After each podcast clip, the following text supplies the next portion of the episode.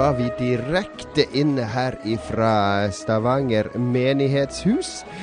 Vi er live inne fra bryllupet til uh, Rad Crew-sjef Gøsta Jostein Hakestad. Lars, hvordan syns du bryllupet har vært så langt? Veldig bra, veldig bra. Nok å drikke. Jeg har allerede spydd uh, to-tre ganger. Og uh, Jostein har gitt meg litt ecstasy, så her går det bra her i Stavanger så flyter oljepengene fritt. Magnus, du er fra Kristiansand. Du er ikke så glad. Det er litt sånn konkurranse mellom dere og Siddisand. Uh, ja, det, er, det, det, går en liten sånn gammel rivalisering på fotballfronten i hvert fall, mellom Start og Viking. Selv om kanskje ikke de siste to tiårenes posisjoneringer nødvendigvis har vært så tette.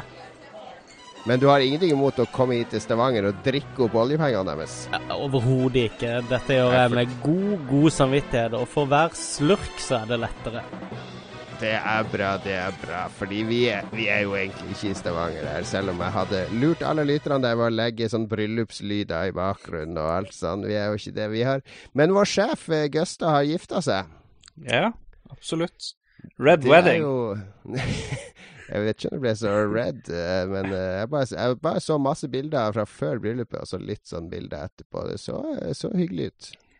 Jeg vet ikke hva et red wedding er engang, for jeg, ikke, jeg, husker ikke det for bøkene. og ser jo ikke TV-serier. Vil du si at det var et uh, rad uh, wedding, kanskje? rad wedding. Oh, det var det vi skulle skrive. Tenk at ikke det var tiltenkt. Det var. Det er du som har laga overskrifta i dag, Lars. Red wedding. Og så slo det deg ikke at du kunne bytte på én vokal? Uh, Gi meg sparken med en gang.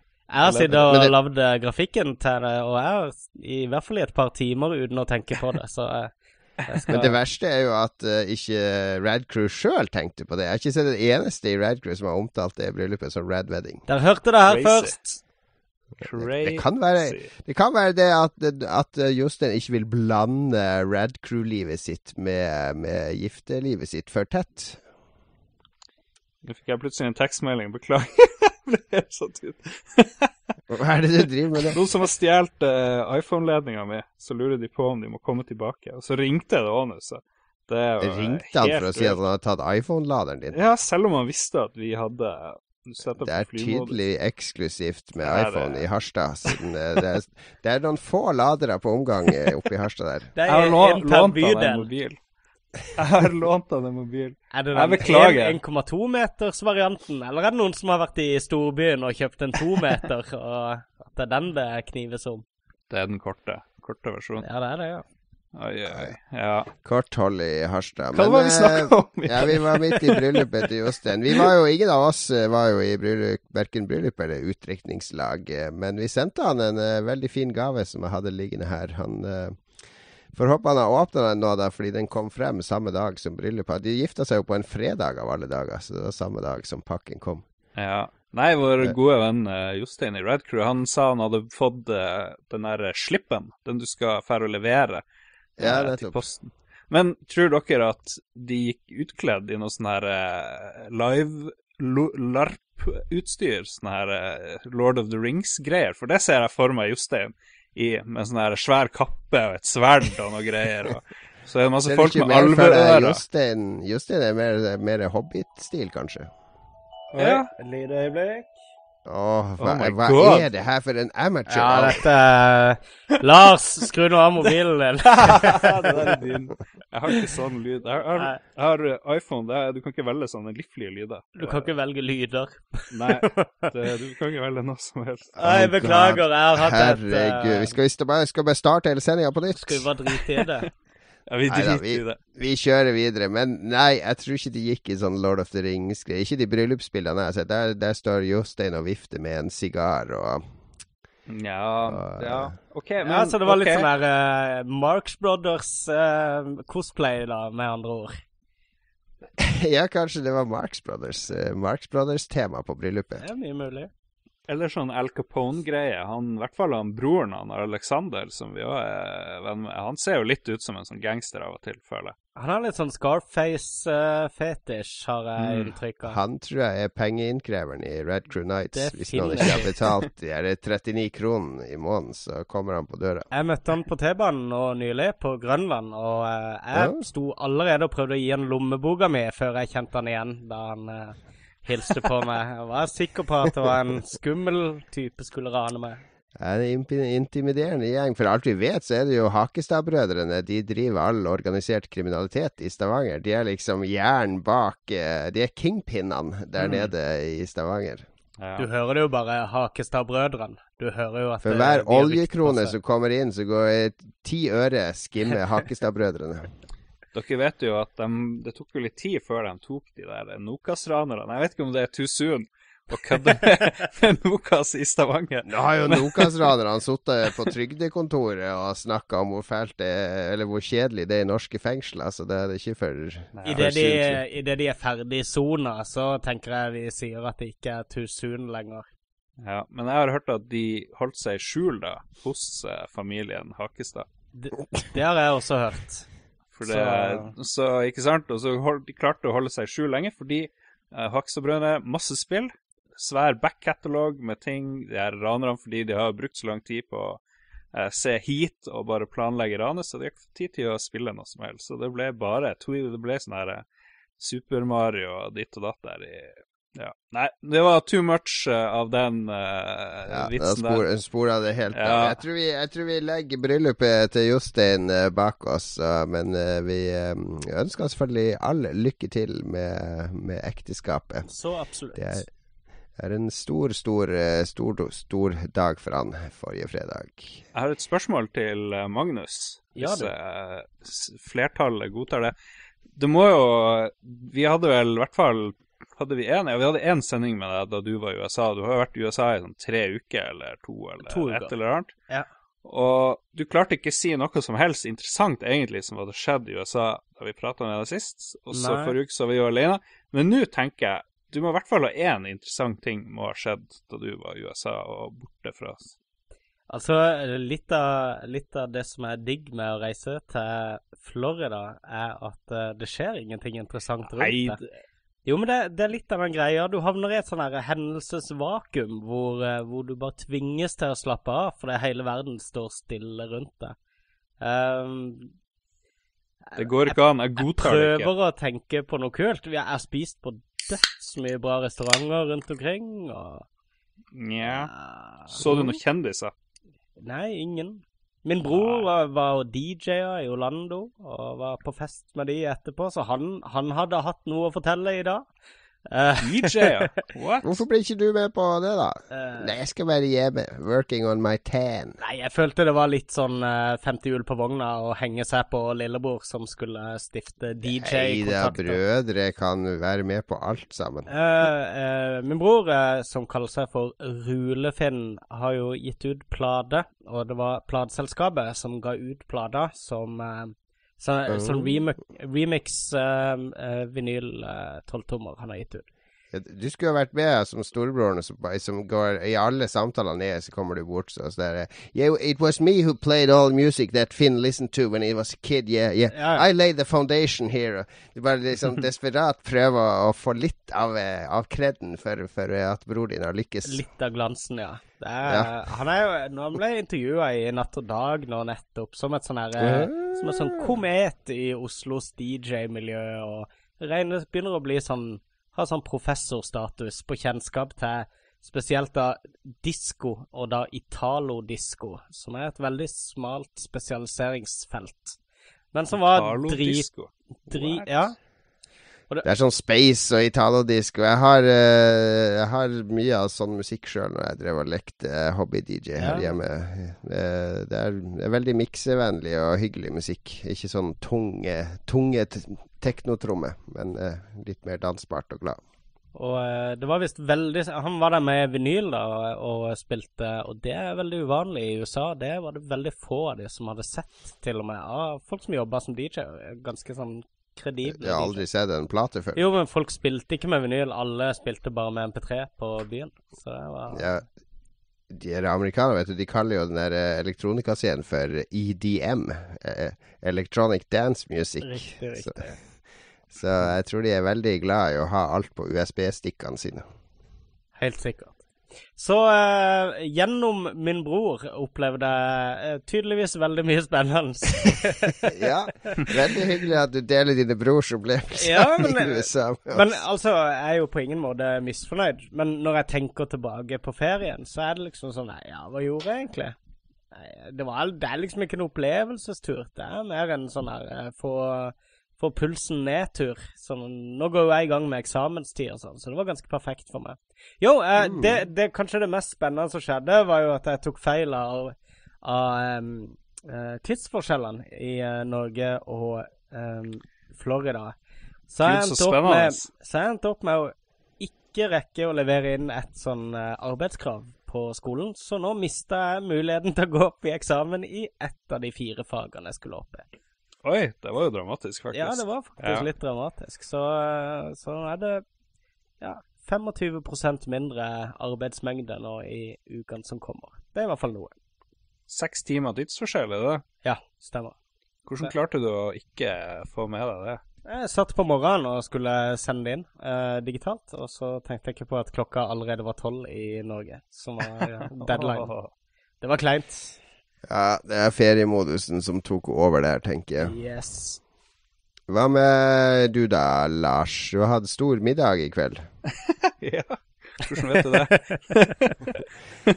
Nei, jeg vet jeg har øyne og ører overalt. Som, eh, som ansvarlig produsent for Lolbua så er jeg nødt til å ha litt stålkontroll på hva mine to ansatte gjør uh, hele tida to ansatte. Ja, ja. Når får vi lønn? ja. Uh, jo da. Spist masse god pizza fra min eh, doktorvenn eh, Kia. Helt vilt. Helt sykt. Det var sånn Vi har sånn her gourmet Du er jo Mr. Gourmet, Magnus, og vi har de her Skoglund-brødrene vi er venner med. De alle hadde digga denne pizzaen her, altså. Men jeg føler meg mer sånn at jeg vil stille spørsmål fra dere her i den småpratgreia. Ja jeg la jo merke til at du, for oss i dag, og de som hører på det, så skjedde det på onsdag, så la du jo ut en, eh, en litt lengre, eller en, en tankerekke om din Destiny-fatigue, din Destiny-trøtthet, og hvordan du kom tilbake til det. Så det var litt morsomt. Det ble mye flittig kommentert på gruppa Spilldate med LOL Crew, som folk oppfordres til å joine. Man kan finne folk å spille med, blant annet Destiny, men også andre ting. Så der ble det flittig, flittig nevnt. Brukes også så. veldig mye til dating, den sida der. Så, ja. Og til sånn cruising i uh, forskjellige skogholt. Det er det ofte mange som begynner på spilldate-sida på Facebook. Det er greit å vite. Jeg har enda yeah. frostskader fra forrige gang. Nei, nei, jeg må innrømme at jeg har uh, gleder meg litt til den House of uh, Wolves kommer. Fordi jeg har, jeg har jo spilt en brøkdel av det du og visse andre jeg kjenner har spilt Destiny, Lars. Men jeg har jo hatt det hyggelig stort sett hele tida, helt til etter Krote. Jeg syns Krote var gørrkjedelig, og jeg syns det systemet med oppgradering som de innførte der, med noen sånne nye oppgraderings... Uh, uh, materialer som man kun får i Krota, sånn, var helt på jordet. Fordi jeg fikk alle rustninger jeg trengte. Og så sa jeg OK, jeg må bare ta det raidet hver uke i seks uker, så har jeg kanskje det jeg trenger for å klare det. Så det, det orker jeg ikke. Det, det var, men du må ha regna feil, for det tok ikke seks uker få ja, Hvis jeg fikk sånn der eh, ti shards hver uke, jeg trengte sånn 40 shards, ja. Jeg trengte en måned i hvert fall. Du hadde for få karakterer, vet du. Du Ja, nettopp, men jeg gidder ja. ikke å grinde opp flere karakterer heller. Det er ikke det spillet handler om for meg, å ha alt karakterer. Det handler om å gå inn. Akkurat som jeg skriver i den artikkelen, det handler om å gå inn og være superhelt. Og løpe rundt i sirkel rundt de fiendene og blaste de. Og jeg elsker våpnene, jeg elsker skytinga og alt det der. Men jeg trengte noe nytt, noe som ikke var Krota. Uh, ja. Alt handla om Krota på den tida. Det å gjøre weeklies og Strikes og Nightfall var egentlig helt meningsløst. Men for å lese alle tankene dine om uh, akkurat det, så kan folk gå på lolbua.no og lese. Med mitt lese nye det. design som jeg jobba med i en måned. Det ja. tok meg en halvtime. Jon har redesigna hjemmesida. Det er veldig, veldig lekkert på lolbua.no nå, så gå gjerne innom. Ja, men ja. det er cleant og mer oversiktlig og mindre bråkete design enn det det var forrige ja, gang. Nå får du det du trenger når du trenger det. Lolbua.no. For folk flest. men vi publiserer jo ting òg nå, da, til forskjell fra tidligere. Hvor bare Jon egentlig la ut ting en stund ja, nei, vi er blitt flinkere, så forhåpentligvis i hvert fall én ny sak om dagen. Så da er det vel verdt å stikke innom og kikke. Ja. It is very good. Skal vi se, var noe mer lurt? Um, ja, jeg kan jo fortelle at uh, jeg driver og lurer veldig på om jeg skal legge ut en video hvor jeg driver og banner jævlig mye i Bloodborne. Og så er det litt sånn her eh, Det er mest fuck, og så er det veldig mye variasjoner av det. Men så er det òg litt sånne kvinnefiendtlige ting. Sånn her mye sånn her roping om hore på engelsk. Eh, rettere sagt kan jo finnes, finnes mannehore. Ja, det gjør jo det. Så det er jo ikke kjønnsspesifikt. Men det, jeg sier i hvert fall bitch. Eh, gjør jeg. Men det kan vel òg være en barn, kan det ikke det? Det kan være hund. ja, OK, nei, men det er overbevist. Da skal vi kanskje hvis, legge vi er veldig, den, uh... Hvis vi er veldig Nå er vi veldig sånn uh, libertariansk uh, menimist i tankegangen her, men Nei, det er, kan det, jeg, ja. det er ikke kvinnefiendtlig, da, det, det jeg hyler om. Det, det, men jeg, Har man ikke litt sånn frikort når man gjør det på nordnorsk?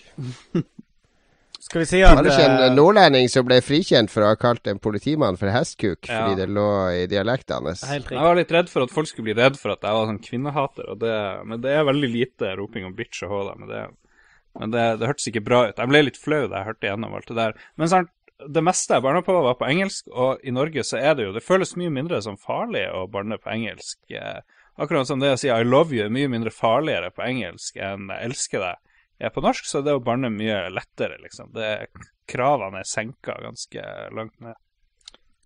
Pluss Nord-Norge. Det du sier nå til eventuelt fremtidig eh, kjæreste, er at hvis hun hører deg si 'I love you', så mener ja. du ikke noe alvorlig med forholdet. Ja. Hvis det kommer 'jeg elsker deg', da, det, da går det mot ring. Da er det ja. bare å begynne å løpe mot døra. ja, ja. Jo da. Men eh, hva, hva stemmer dere? Skal vi legge ut eh, sinnssykt mye barning? Det jeg syns. Mister uh, sosiale medier. Lytterne kan avgjøre. Nå prater dere i munnen til hverandre. Jeg hørte ikke, skjønte ikke noe. Uh, ja, skal jeg si det, da? For det, jeg, ja, jeg tror ja. vi er helt enige, Jo Cato. Ja, vi er det. Mister sosiale medier. Jeg foreslår at uh, du oppfor, uh, oppfordrer våre lyttere til å dukke opp på lolbua.no i denne saken her, eller så saken til episode 70.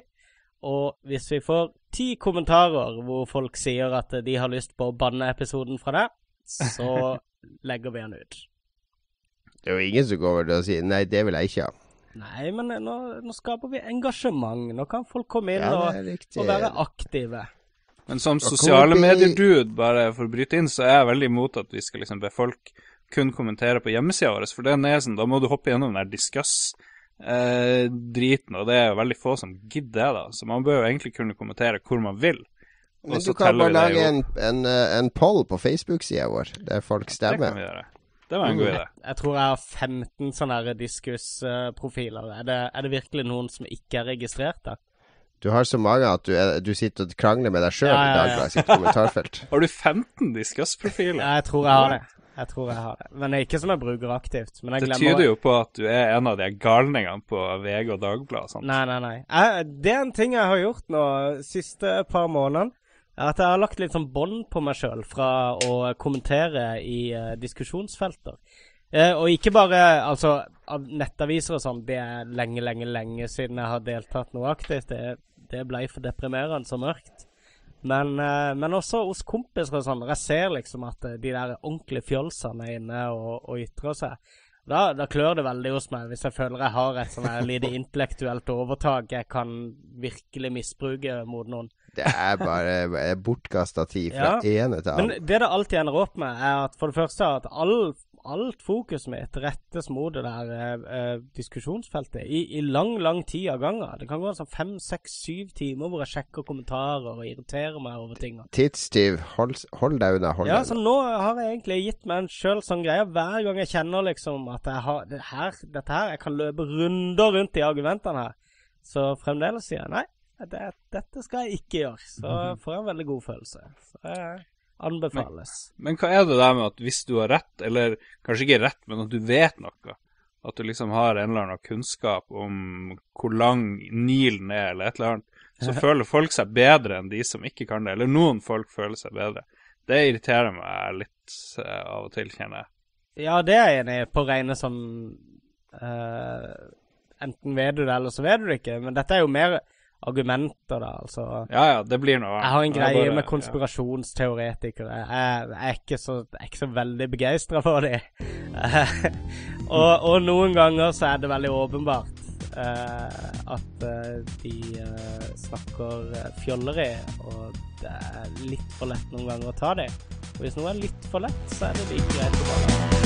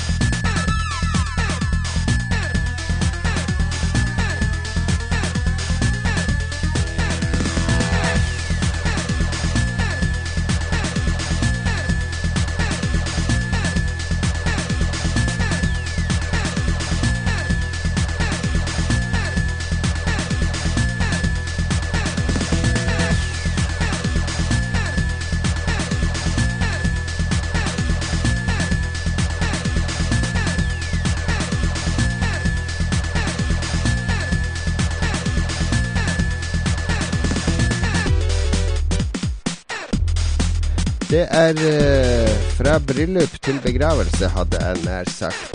Triste nyheter forrige uke da det ble meldt at uh, spillbutikkjeden Game legger ned i Norge. Game var jo i sin tid uh, Spiderman, som ble kjøpt opp uh, og gjort om til gamebutikker. Det betyr med andre ord at vi har GameStop igjen i Norge, en håndfull butikker. Og så har vi GameZone i Kristiansand, og that's it spillbutikkene sin æra er over, skrev jeg i Aftenposten denne uka. Er dere enig i den konklusjonen? Uh, ja, det vil jeg egentlig si meg ganske enig i. Um, altså, du ser jo bare på, på, hva de selger i spillbutikkene. Det er stort sett uh, godteri og leketøy, og så har de liksom noen, noen spill òg, bare sånn uh, tomcoveret stående i hyllene. Men eh, fokuset har jo for lengst gått vekk fra selve, selve spillet, har jeg inntrykk av. De selger jo også i altfor stor grad spill som ikke finnes ennå. Altså, eh, halve butikken ja. er jo via til å forhåndsselge det som kommer snart, i stedet for å by på et bredt utvalg av spill som finnes nå. Ja, nettopp. Veldig mye forhåndssalg, og de har jo alltid lent seg på bruktspill. Og du ser, hvis du ser litt på i disse butikkene, så ser du at uh, andelen med bruktspill til de nye konsollene er betraktelig lavere enn det var på samme tid eh, under forrige generasjonsskifte. Ja, det er nok en av hovedgrunnene til at de må legge ned. For det my veldig mye av omsetninga til de rene spillbutikkene kom fra bruktspill, og det forsvinner nå fordi mange kjøper digitalt. Ja. Um, men i Harstad har det ikke vært noen spillsjappe på lenge. Men husker du de spillsjappene i gamle dager i Harstad? Det er GameStop her. Uh, er det GameStop der ja, oppe? Ja, det har vært masse år. Det er det. Holder du liv i den, du? Er du og støtter de med penger? Når jeg mister konsoller, så er jeg der og kjøper nye. Tar du med deg alle promoene dine og bytter inn i røyk og, og øl? Nei, det, man får jo ikke promoer lenger, så det er jo bare bullshit. Eller du får jo litt, sant. men det er jo digitalt. det meste. Så det er jo ikke rart at spillbutikkene dør. Det er jo veldig trist, men det betyr jo bare at det har blitt mye enklere for alle oss eh, andre, eh, egentlig. Det har jo det. og Noe av det jeg skrev om i kommentaren min, var jo at uh, for mange av oss så var spillbutikkene et sånt sted uh, der vi møttes. Uh, meg og Lars hadde jo i våre år i Oslo, når vi gikk på Blindern, så hadde vi jo fast sånn lørdagsritualet der vi mm. dro til byen, møttes ved Egertorget, så spiste vi enten på Mækkern eller på Burger King sammen med våre venner de danske tvillingene og, og Torbjørn. Mm. Og så hadde vi en sånn fast runde der vi gikk innom Fantastico, som var en sånn der eh, rollespillbutikk, der de hadde en Doctor Who-flipper. En rollespill- og brettspillbutikk. Og så var vi innom Akersmik, og så var vi innom Spiderman, og så var vi innom Spaceworld, og så på laserdisk og video. Og noen ganger så spleisa vi på en Hongkong-video eller en anime-video. Ja, på Avalon eh, var vi jo eh, mye nå. Avalon var vi. Og så var det en sånn ro rollespillbutikk som prøvde seg i andre etasjen på Arkaden et halvt års tid, der vi kjøpte Car Wars en gang. Men det var, det var liksom fast sånn lørdagsgreie å henge en del, spesielt på Spiderman, før det. Se på Arkademaskinene, alle spillene fra mm. Japan, snakke med andre. Vi møtte jo Skagen og andre folk via de her eh, butikkene, fordi det var liksom sånn eh, det var det, hvis du skulle inn i spille- eller gamermiljøet, så måtte du dra til butikkene. Du kunne ikke sitte hjemme på 90-tallet. Ja, jo, det var ganske spesielt. Det var veldig kult med de arkadene på Spiderman. Husker de hadde Killer Instinct. Det var vel kanskje der de hadde det, og det så jo helt fantastisk ut mm. den, den, gang i tida. Og så får vi innom Ra 4, og det er jo òg en ting, da. Eh, de her ja, arkadegreiene. Spillehallen, liksom. Det var jo helt vilt. Du hadde den ved siden av Eldorado, var det noe greier, og så den helt borte ved rådhuset. Ja, det ved siden av Eldorado var bare biljard. Jeg hadde bare et par, men på RA4 så hadde de hele kjelleren full av Tekken og Super Hang-On og litt sånne ting. Ja, nei, fordi les, vi leste jo spillblader og alt det der, men det var jo noe med å gå inn på spillbutikken, og så var det kanskje et spill du hadde gått glipp av, og så bare ah, plutselig lyste det mot deg. Enten om det var noe du kjente igjen, eller at det bare var et skikkelig kult cover, ikke sant. For det var jo Ja, jeg vet ikke. Spillcoverne betydde jo mer da det var PC og Amiga og litt sånn mm, de store coverne. Og svære, svære bokser. Ja, ja. Og så ble det ganske mye kjedeligere etter hvert, liksom. Akkurat som da vinylen ble til CD og sånt. Det var ikke så, så stor stas lenger. Altså hadde vi jo litt sånn eh, Jeg vet ikke om vi kaller det respekt, men vi, vi huska i hvert fall hvem som jobba i de her sjappene. Så vi hadde jo sånn kallenavn på Rex Rodney på Spiderman, og han Discworld-skjorta på, på Akersmikk, og uh, det ble liksom Vi, vi prata ikke så mye med de, men vi følte liksom at vi kjente de på en måte. Fordi de, de var liksom de som sto med kunnskapen, og som mm. visste når ting kom, og hva det skulle koste. Og... Ja, jeg husker godt serbelederen, for eksempel. ja, serverlederen som nå jobber i Funcom. ja, absolutt. Han visste hvor grensa gikk. han, han, var jo opptatt av grenser. jeg husker godt det òg. I uh, Kristiansand så hadde vi um, Jeg husker GameZone fra de var De har holdt på i alle år, faktisk. Uh, eieren av Hvis ikke jeg husker feil nå, eieren av GameZone uh, var med å starte Funcom, hvis ikke jeg husker feil. Ja, ikke, ikke quote meg på det 100 sier han på lufta. Um, men jeg, jeg, mener å huske det, i hvert fall. Men, men dette går langt, langt tilbake. Um, ganske tidlig på 90-tallet. Jeg skata sammen med en som jobba der, så vi hang en del der. Um, men før det så hadde vi uh, datakjelleren under uh, fotosjappa i, uh, i Markenstad, som er gågata. Da, Svein, husker du han, eh, Jon Cato, som vi hadde som leverandør? Ja, ja, ja. Gamle Svein. Yes, fra Vennesla. Um, to, to, the game, Svein. Stemmer. Han holdt i gang uh, Ja, han var med å starte opp To The Game også, mm. um, han var en ordentlig sånn her uh, Skal du si, en sånn broiler. Han, han, gjorde 100 000 ting. Jeg husker han en periode så drev han uh, Drev han hinttelefon. Uh, ja. vi var på besøk da han på kontoret. Da var datakjelleren lagt ned. Vi, det var en kompis av en kompis som kjente han og sånn. Og da satt han liksom der med massevis av hintbøker i hyller rundt seg. Og hadde liksom tilgang på noen BBS og der han kunne hente info hvis noen satt fast i forskjellige spill.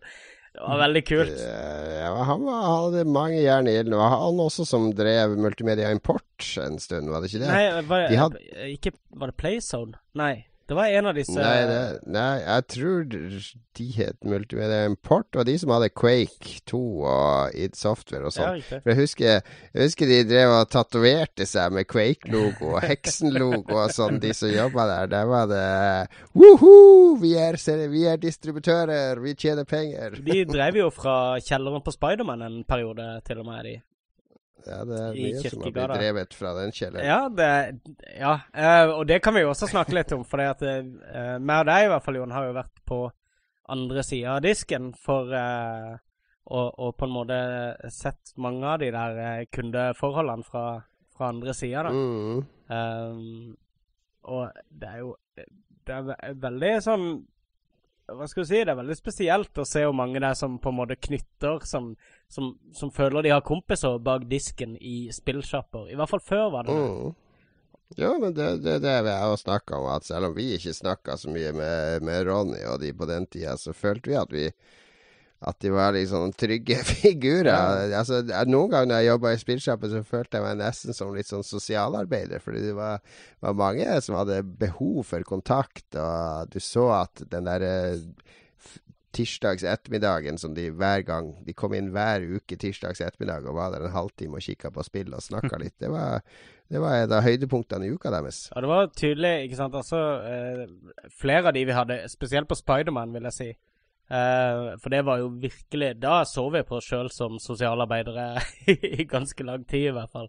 Um, men, men, da var det mange vi, vi uh, visste at de hadde ingen venner. Det var liksom Det var vi som var de sin kontakt med, med utenfor verden. Og, og, men det vi hadde til felles, var på en måte det området der de uh, følte de hadde litt kontroll, da, som var innen spill. Mm. Uh, ganske mange spilte online-rollespillere som der, som, uh, som, kunne fremstå som uh, sterke og trygge og kanskje litt offensive, i motsetning til sitt fysiske egentlige jeg. Og, og, de tror jeg hadde veldig mye igjen for å kunne stå og henge i kassa og, og bable litt mellom kundebehandlinger, liksom. Men det, det ble veldig mye av det en periode, gjorde det ikke det? Ja da, ja da. Men tenk så gøy hvis du hadde jobba Hvis det hadde vært Spiderman fortsatt, og du hadde jobba bak kassa der i dag, og hver dag kommer det inn folk og skal snakke om Gamergate og Å, oh, herregud. Det... det som var greia da Men da vi jobba der, det var liksom Jeg, jeg hang på Spiderman når jeg ikke jobba òg. Det var, litt, det mm. var mer en sånn her Det var litt sånn livsstilsjobb. Det var Det var uh, Er det high fidelity? Virkelig. Og jeg jobba litt sånn her. Jeg sto i kassa hvis noen måtte på dass og sånne ting. Og det, det var null stress å hjelpe til å sette ut noe spill og sånn, selv om jeg egentlig hadde fri. Uh, ja, ja. Jeg likte veldig godt å jobbe både på Spiderman og Akosmik, Men uh, Spiderman var helt eksepsjonelt. Uh, ja. Nei, men det, det, er en svunnen tid. Altså, det har jo ikke blitt vi husker jo det her med, med, med gullkanta mimrebriller, men det har jo ikke blitt verre. Altså, vi har communityene våre på netten, og vi har uh, mange andre måter å mm. komme inn og, og, vise oss frem og finne info og, og finne samhold og sånne ting. Så jeg, jeg, jeg, jeg er ikke av de som, som mener at alt var bedre før. Nei. Selv om spillbutikkene forsvant. Jeg mener heller ikke det, men jeg mener det var liksom Det er en sånn institusjon som er et eh, tegn på tida vi levde i da, i motsetning til nå. Jeg telte nå. Mm. Jeg har vel 55 digitale spill på Xboxen min. Uh, ja. Ikke sant? Og, og, så har jeg kanskje fem fysiske. Uh, ja, ja, og samme på PlayStation. Dødsmye digitalt. Ingenting fysisk, nesten, unntatt det jeg får av promoer. Så uh, det, det, er jo helt klart skjedd et skifte der. Og jeg, jeg digger å samle på fysiske spill. Uh, ja. Men jeg, jeg, har liksom ingen, ingen, behov for det lenger. Når jeg i stedet for kan sitte liksom i trusa klokka tolv på en lørdagskveld og, og vente en halvtime, så har jeg spillet inne på konsollen min. Det er jo 10 000 ganger bedre.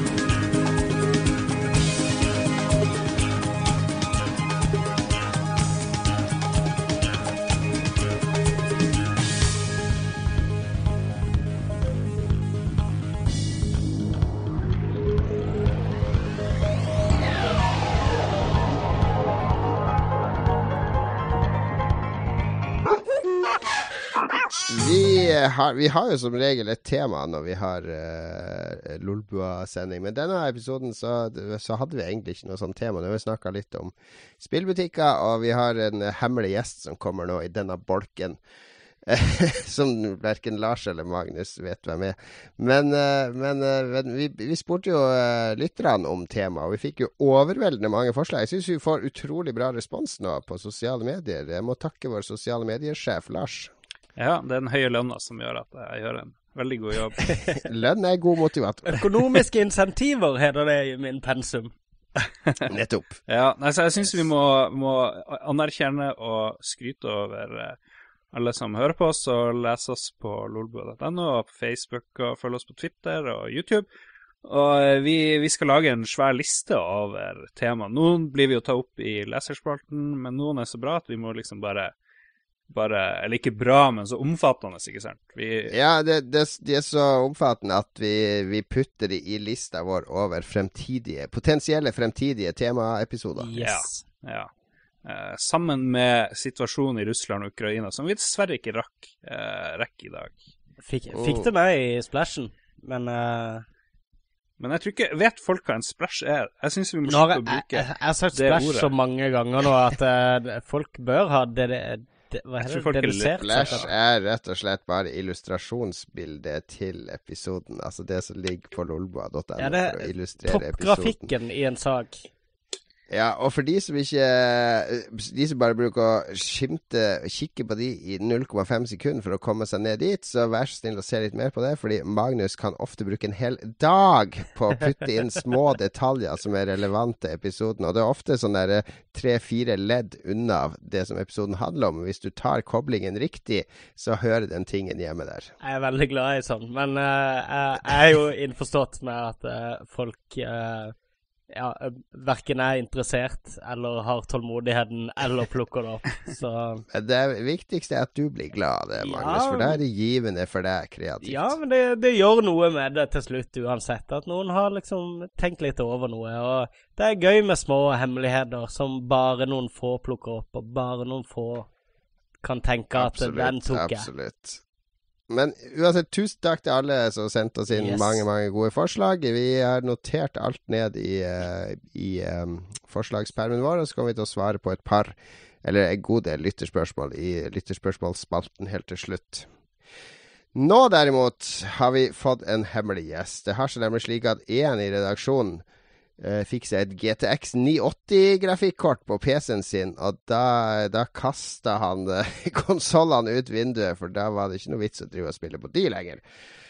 Jo, nei, det var jeg som fikk meg et sånt kort. Jeg eh, maste, litt, maste litt på Rune i VG om jeg ikke kunne få oppgradert PC-en min litt. Eh, fordi jeg anmelder jo PC-spill for de. Så, så, det var greit. Og da var det rett inn i GTA på 60 frames og um, litt av hvert.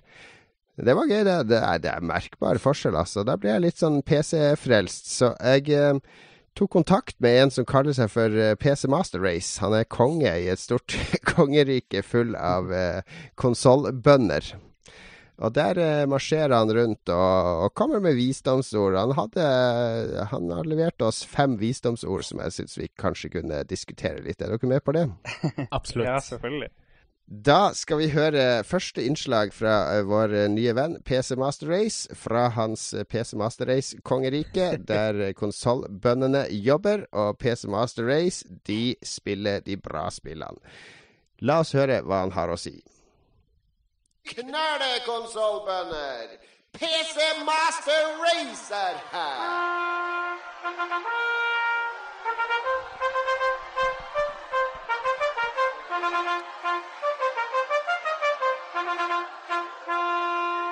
Hysj!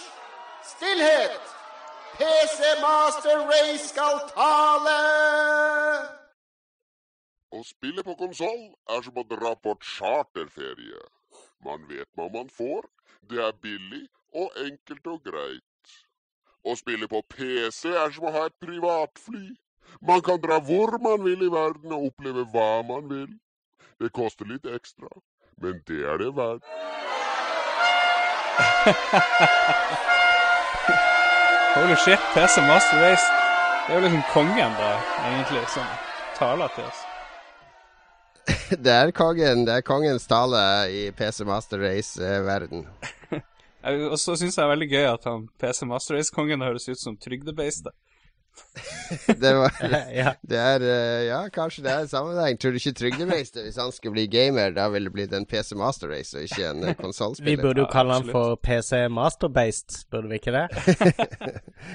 PC Master Race. Men hva var det han sa her nå, han eh, PC Master Race? Han sa at å ha en konsoll er som å dra på charterferie. Trygt og godt, og du vet hva du får. Billig og enkelt. Mens det å ha PC da har du et privatfly og kan dra hvor du vil i verden og gjøre hva du vil.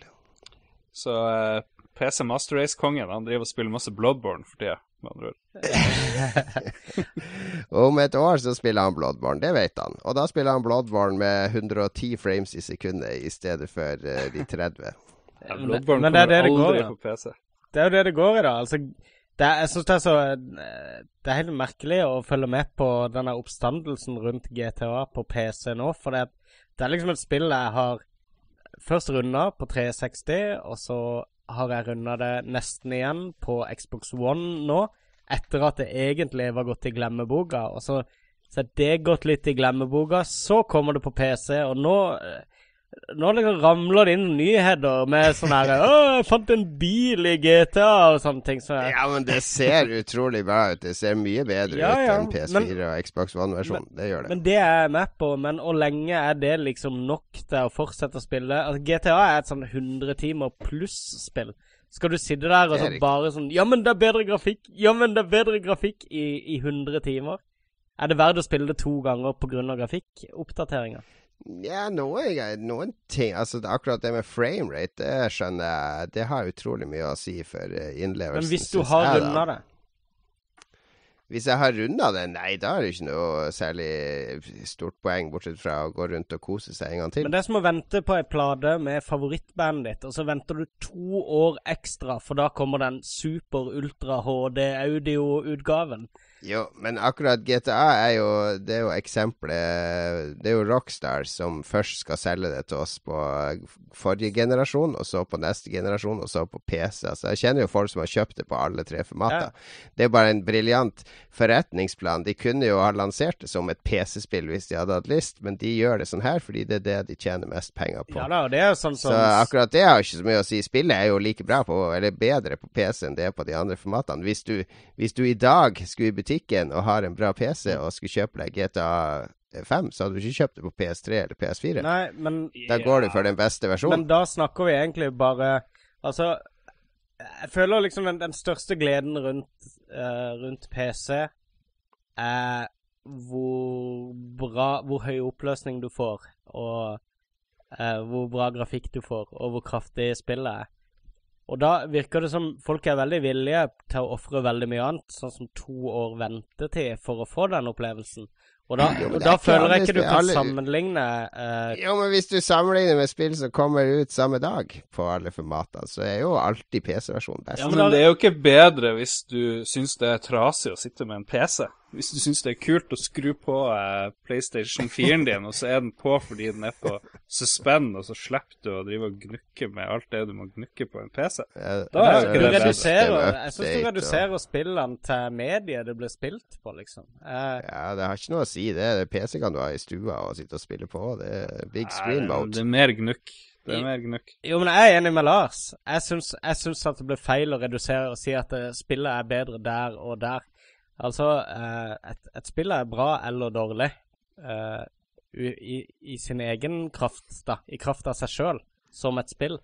Og så kan vi, så jo, kan vi snakke liksom kan... om Jo, OK, ok, men da er det samme for deg om du ser en film på DVD eller Blu-ray, da? Uh, nei, det er det, det jo ikke. Eller ville du foretrukket Blu-rayen? Ja, det er ikke så langt unna. jo, men, jo, men jeg vil jo ikke si at filmen er dårligere for det. Vil...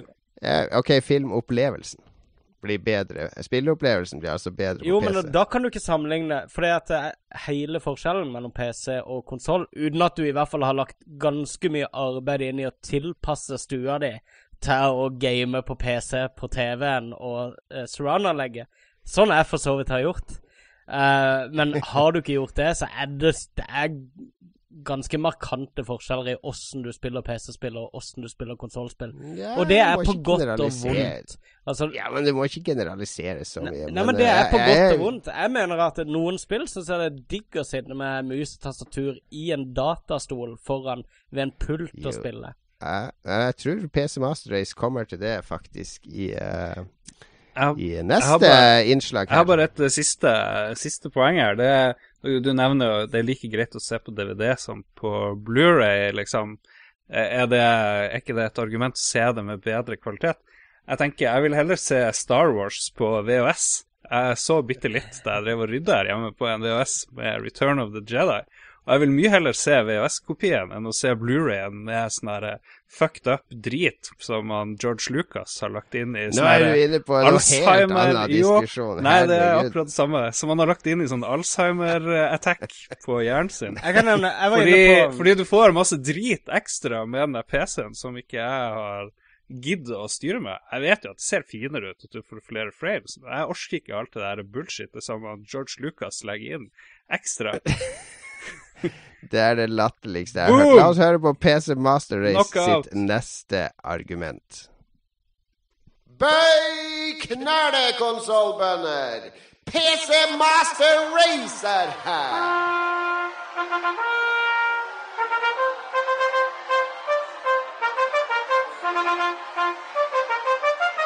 Kan du slutte å blåse i den drithornet ditt? Hysj! Stillhet! PC Master Race skal tale! Spilling på PC er valgfrihetens spilling.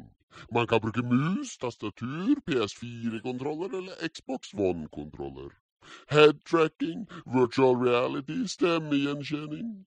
Ingenting er umulig for PC-spilleren. Nå vet jeg hvem det er. Vet hvem det er. Det er han der fyren i Tre nøtter til Askepott. Det er han der læreren som springer rundt. Hva sa du nå, Lars? Han der eh, hørte Master Race er han duden fra Tre nøtter til Askepott. Han som driver og skal lære.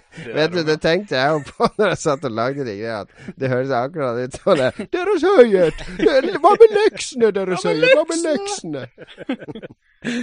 Men ja, men det, kanskje er det han. Kanskje han er PC Master Race. Ingen vet hvem PC Master Race egentlig er. Men ja, her har han et godt poeng. Jeg, har, her, jeg, jeg har jo kobla både PS4-kontrolleren min og Xbox One-kontrolleren på PC, så jeg spiller jo GTA 5 på en PS4-kontroller. Eh, på TV-en uh, og sånt, da?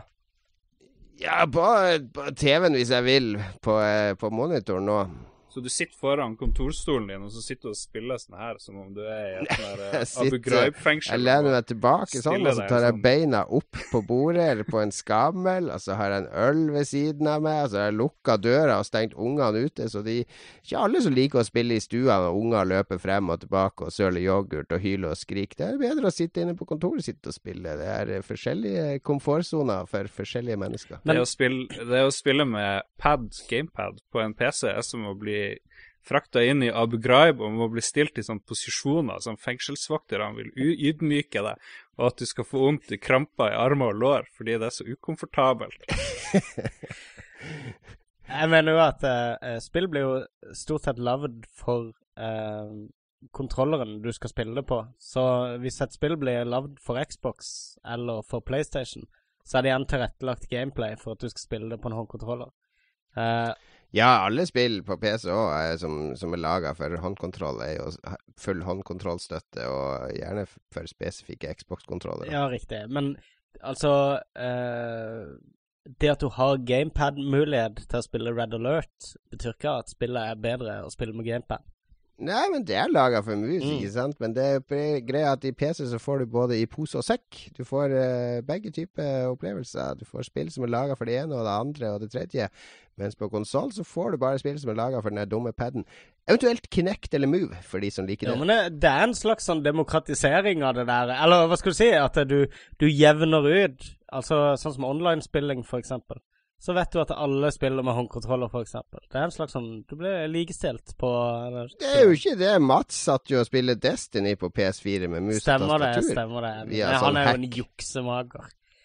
ja, men akkurat der kan du spille det optimalt ved å spille det på PC. Hadde det funnes på PC. Jeg tror nok òg at uh, å sette opp uh, Destiny for PC hadde vært en helt decent ting. For det er et spill folk spiller som et PC-spill på veldig mange måter.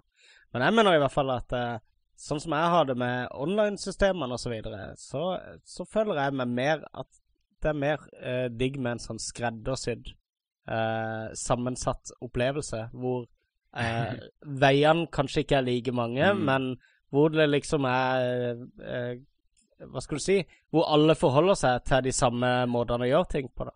Det er en viss trygghet i det. Jeg skjønner, jeg skjønner, hva du prøver å si, Magnus, og det er at 24 frames er mye mer cinematisk enn 60 frames i sekundet. uh, ja. 24 Nei, frames ought to be enough for anyone. men, men uh, på PC så har du Origin, du har Steam, du har bla, bla, bla, bla, bla, bla, bla. Du har 1000 aktører som alle vil gjøre sin sine ting på sin måte. Valgfrihet er et onde. Valgfrihet kan være et onde. I hvert fall når alle Nå siterer du jo eh, partylinja til Kreml i, på 70-tallet her. Hva skal vi med flere typer kaffe? Det holder med én type, da, Nei, Men når du sitter med en PC hvor eh, Si du har ti spill installert, og du har ti aktører som, som installere hver sin sånn malware inn i registeret ditt for å drifte hvert av de spillene. Kjøper du alle PC-spillene via russiske sider, eller? Selvfølgelig kjøper jeg de via russiske sider. Nei, men poenget mitt er at uh, å ha alt på ett brett gjør i hvert fall, det gir i hvert fall et visst form for fokus og en viss form for uh, um, Uh, hva skal du si, en, en sånn her felles ja, hovedvei for alle. Du har jo alt på ett brett helt til ja. det kommer en ny konsoll som ikke er bakoverkompatibel, er... så, du, så du må ha alt på to brett. Det er jo hvert tiende år. Har du hatt et problem med det generasjonsskiftet som var nå? At du hadde Jeg kan f.eks. ikke pakke ned min PS3 nå, fordi jeg vet at Yakuza 5 kommer på PS3, og det kan jeg ikke spille på PS4-en min. Det, det jeg Ja, for min del er det helt irrelevant.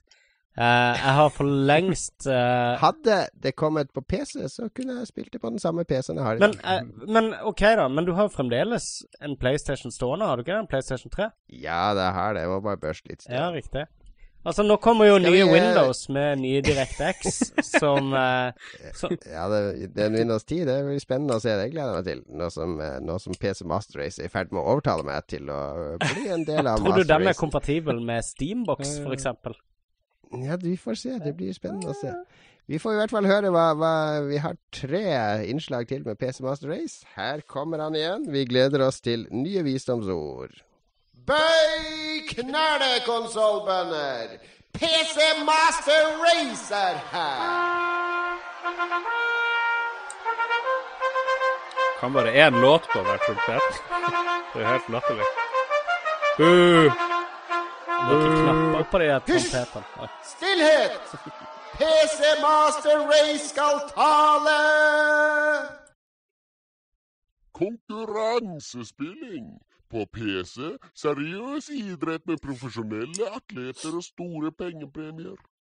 På konsoll en pøl med barnehagebarn som kaller hverandre homo og truer med å knulle hverandres mødre. Oi, nå var det, nå var det crossover fra PC Master Race her. Ja Skal vi gjøre PC Master Race rett på den der, da? Delvis. Jeg tror det er Min, min sønn spiller en del Counter-Strike, og der er det jo det er jo invadert av russere og idioter, idioter! Og andre ord som jeg ikke vet hva betyr, eh, florerer hver gang han gjør noe feil. Men det er vel mer penger, og sånn sett mer profesjonelt å være profesjonell PC-gamer enn uh, Ja, for det er, det er vel ikke noe sånn stort uh, e-sportsgreier uh, på Det har vært litt på, på slåssespill og sånn, men det kan ikke måle seg med det som Dota og League of Legends og Starcraft og CS og sånn driver med. Nei, definitivt. Det er jo helt klart der det er størst. Men det er også der du har lengst uh, historie med bare med nettoppkobling og lading og sånn. Det er ikke så mange konsollgenerasjoner ja, du skal tilbake jo. før det var helt umulig. Men det, men det, har vel også med at det er ganske åpen, eller eh, ikke open source, men det er åpne systemer rundt, sånn at du kan tilrettelegge og lage eget uh, turneringsprogramvare og, uh, og servere og, og, alt mulig sånn. Det, den muligheten har du jo ikke når det er lukka PlayStation Network eller Xbox Live. Har de ikke dedikerte servere i Battlefield og sånt på konsoll?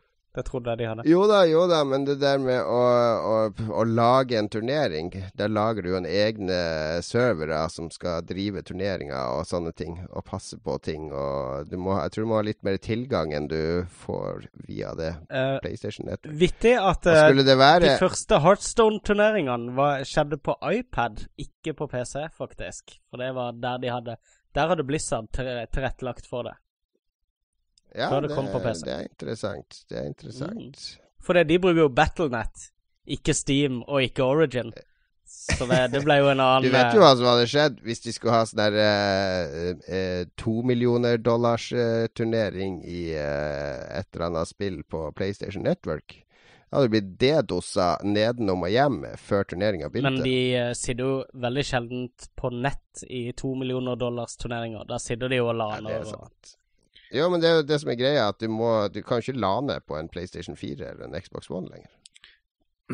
Alt må ut på nett hvis du skal spille. Ja, det er vel, det er vel riktig. Da, dere må ikke glemme alle de som dør daglig, sikkert et par tusen, av å sitte og spille ørkesløst foran PC-en sin i onde stoler og dårlig airconditionerte sånne sweatshops nede i Kina. Det er jo Driv, driv PC Mastery, så glemmer det her, liksom. Det er mulig. Vi, mulig. vi får høre. Vi har to til. Hold ut to til. Her kommer PC Master Race igjen. Bøy knæle, konsollbønder! PC Master Race er her!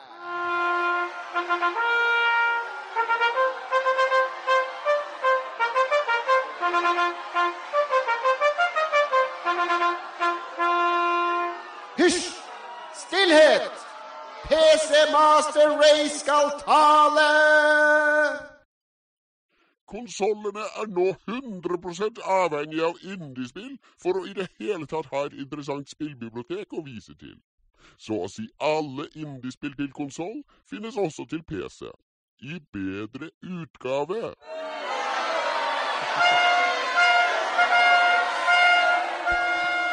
Ja vel. Der har han i hvert fall et poeng. Nå kommer Tesla grad snart ut på PS4 og uh, Among the Sleep. Spill som er lenge siden jeg spilte at jeg husker det jo knapt lenger. Det er som å si at det er grusomt at en film også kommer på TV2 etter at den ble vist på NRK. Det er jo bare bra. Det er ikke grusomt. Jeg tror jeg mener at det er litt sånn der eh, krampaktig. Hvis du tok bort hele den indie-greia, hva hadde du sittet igjen med da? Altså, det er ikke de, de er ikke de store, store spillmaskinene som de var når vi drev og spilte på de, føler jeg, da. Mm, ja, nei, det er kanskje et lite poeng, men det kommer jo nye indiespill også først til konsoller. Braid kom vel først til Xbox 360, og det kommer veldig mye bra som PlayStation finansierer.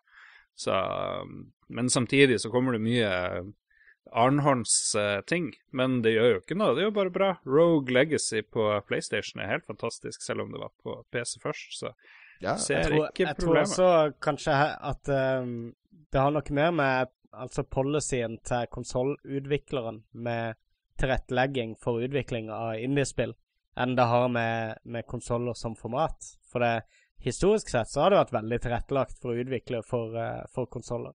Uh, men uh, selvsagt vil du finne mer på PC. Selvsagt. Og der, der er det ingen tvil. Altså, for der, der, kan alle velge å distribuere fra nøyaktig hvor de vil. De har full kontroll over, over uh, ja, hvor, hvor, det blir mulig å laste ned spillet sitt. Og de kan også spre det rundt gratis hvis de ønsker det. Sånn er det jo ikke på PlayStation og Xbox. Mm. Absolutt. Vi har bare ett, ett poeng igjen fra PC Master Race, så skal vi si oss ferdig med den plagoen for denne gangen.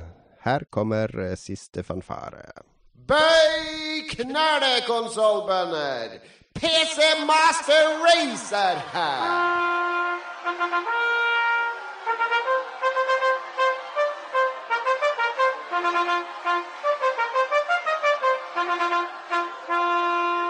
Hysj! Stillhet!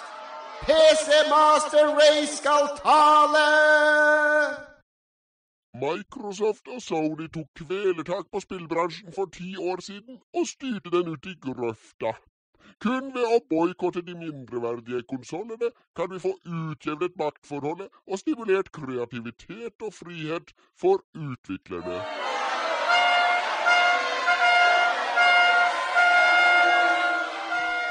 All right. Det siste poenget er det har faktisk PC Master Race henta direkte fra uh, Reddit, uh, eller subredditen PC Master Race, som har en gigalang dokument om hvorfor PC er superior. Det er så langt at det tar time, i hvert fall en time å lese gjennom.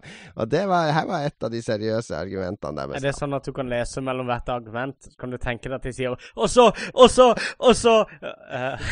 I hvert fall at de dytter brillene opp på nesen og sier ja, og Litt sånn spytt i munnvikene og Nei, men det var Det er um, det, var jo, det har jo vært frustrerende tider for PC-gamerne som hadde sin høytid på 90-tallet, når alt var tilrettelagt for de. Altså, så, så, Det var litt sånn når mobilspillene kom, og alle plutselig skulle bruke ressurser på mobilspill i stedet for konsollspill. Da fikk konsollspillerne føle hvordan PC-spillerne hadde det på 90-tallet, når alle plutselig skulle bruke ressursene på konsollspill i stedet for PC-spill. Så, så det, det, er vel eh, jeg, jeg, tror det er et lite poeng i det òg, fordi Microsoft og Sony har de, de, de, stiller krav til hva folk skal lage for å få det til å bli utgitt. Så sånn sett har de en reell makt. Mm. Som kan ha stagnert for nyvinning og fri kreativitet. Det har det jo helt klart gjort på ett punkt. Uh, da merka vi jo det. Det var Når var dette? Sånn 2001-2002? Var det da det var så ekstremt ensformig, alt som ble sluppet? Eller var det da EA hadde Ja, det var første halvdel av 2000-tallet var ganske begredelig, ja. spesielt på konsoll. Men det var, det var også sånn på PlayStation 1, så hadde Sony i Europa og Sony i USA De hadde en policy at alle spill skulle være i 3D-grafikk. Så folk kom ja, jeg vil lage dødskult 2D-spill og sånn. Nei, Nei, det, det, det gidder ikke Det får ikke du gi ut hos oss. Mens i Japan så godtok de det, så der kom Castlevania og en del andre sånne spill som de etter hvert porta over til oss. Men det var liksom ingen utviklere fikk lov å lage 2D-spill til, til, PlayStation fordi de skulle 3D var liksom fremtida og det kule, så all, det skulle brandes den veien, ikke sant? Jeg tror ikke Microsoft og Sony har vært like sånn nazier som det Nintendo var i sin tid når det gjelder de Nei, de, de også. Så jeg vil tro at i hvert fall de store utgiverne har fått ganske sånn carte blanche på hva de har lyst til å gi ut på uh, de forskjellige plattformene, og, eh, og, og også på konsollene. Men um, jeg tror nok jeg tror nok altså det, med, det du finner med kreativitet i, i, spill generelt, tror jeg er noe som vil gå i bølger uansett. For du vil alltid finne noen sånne paradigmespill som setter en ny standard. Og så vil du ha, vil du ha tre-fire år hvor folk eh, prøver å kopiere det. Eh, eller forbedre det, som det også heter. Um, mm. Og, og så, sånn går nå dagen, liksom. Det, sånn har det jo alltid vært. Er du, er du sykt fornøyd med hva det heter, 980-kortet ditt, uh, Jon?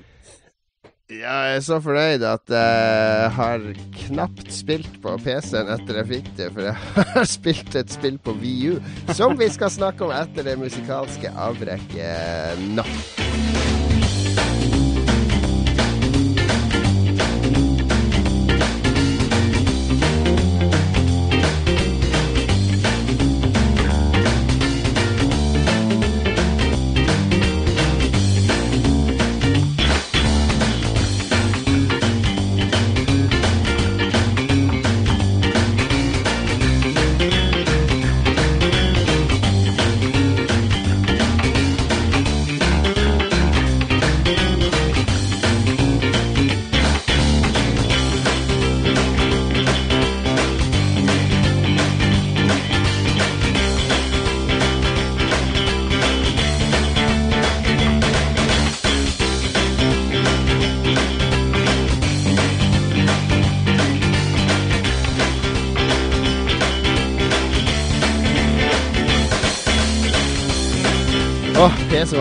For en film.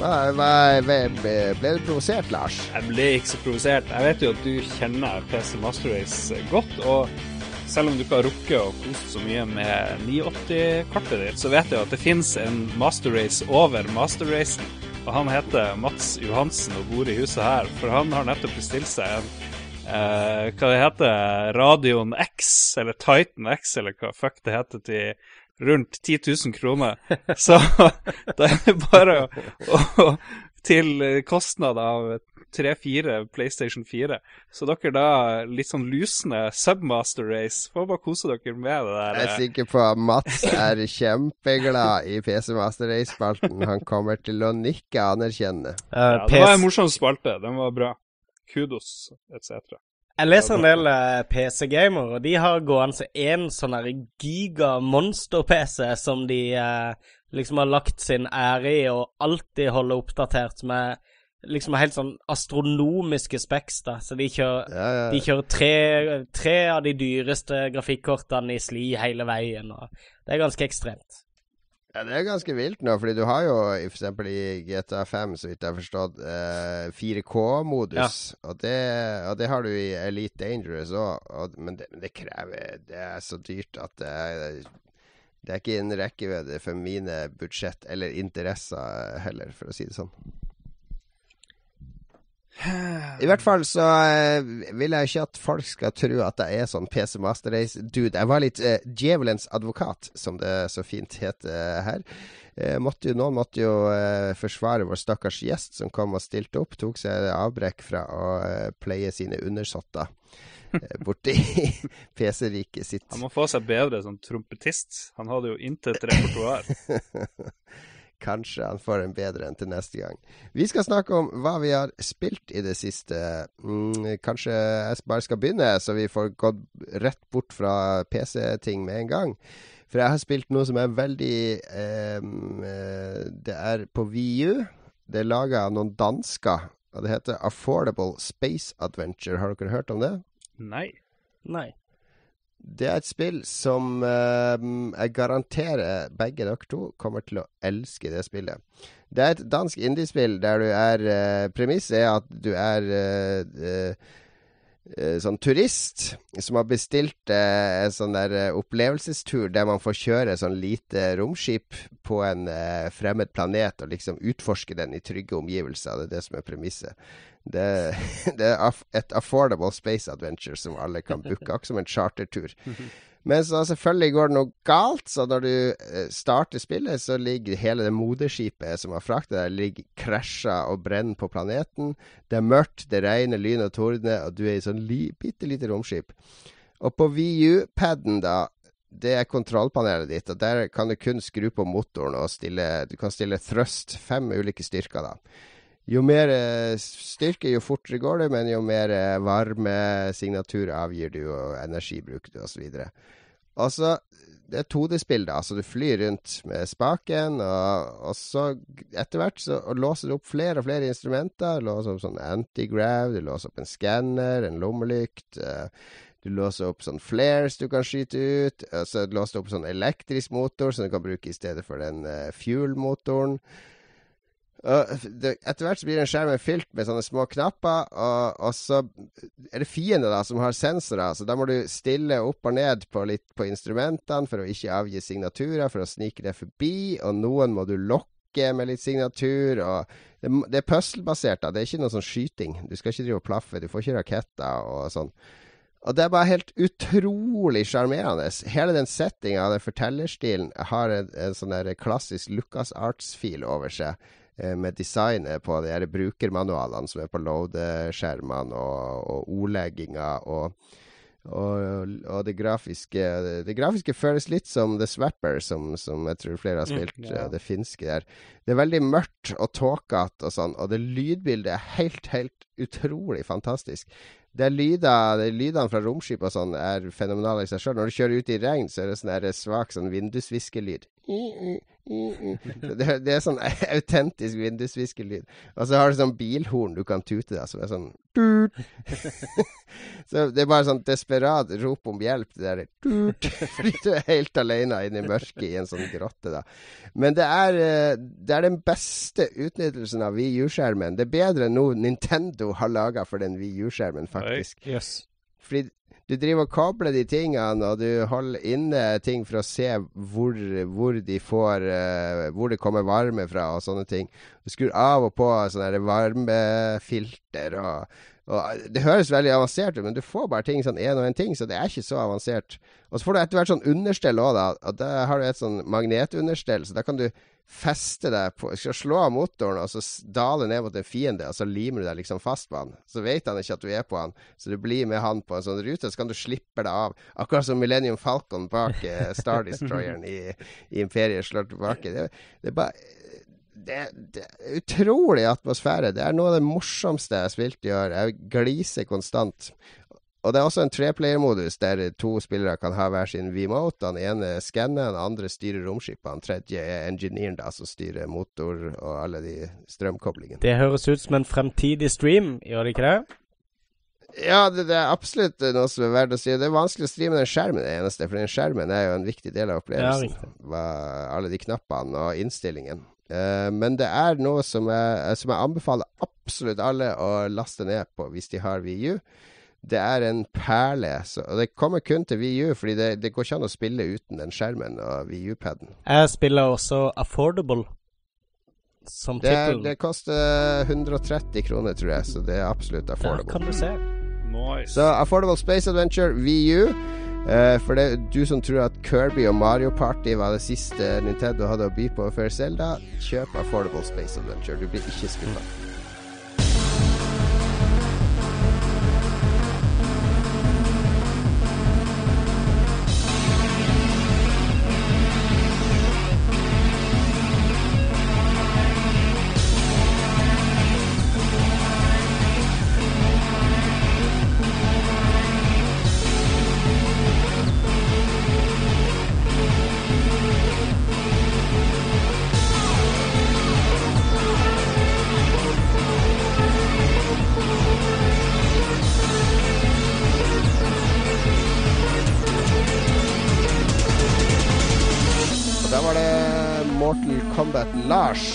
Lars. Her Får vi en ekte Larsality her? Vi snakka i forrige uke om at man kunne kjøpe sånne billige uh, fatalities og ditt og datt. Uh, eller kjøpe bilder. Du kan kjøpe enkle sånne finishing moves ja. Ja, som DLC. Og det har jeg ikke gjort, men jeg har spilt litt. De er faktisk eh, oppbrukbare. Du kan kjøpe ja. sånn fem og fem tokens. Ja, riktig. Ja, du må kjøpe nye, nye og nye. Og det, det, de er ikke så veldig vanskelige, de fatalityene. Det er i hvert fall ikke de jeg har unlocka. Det er jo sykt mange av dem, så det er litt gøy. Um, noen rare ting. Uh, du må, bør helst gå i menyen på controller settings og skru av. Uh, ta på uh, off på en av de tre ulike optionene der, som, hvor det er noe sånn predictive button-drit. Det betyr at hvis du holder inn runding, slipper den, og så skal begynne på komboen din, så husker han rundingen og setter den inn en eller annen sånn random plass. Uh, eller sikkert ikke random hvis du er ekspert uh, i komboen. Sånn at når du begynner å spille og er i tutorial for f.eks., og skal gjøre mus og ikke får til noe, gå og skru av og på litt sånne options eller søk opp på nettet og sånt, så, så hjalp det en del hos oss, da. Men til og med når tutorialen var litt vanskelig. Men spillet ellers er ikke så, så så veldig hardt. Men jeg spilte en del toplayer, spilte en del eh, story mode.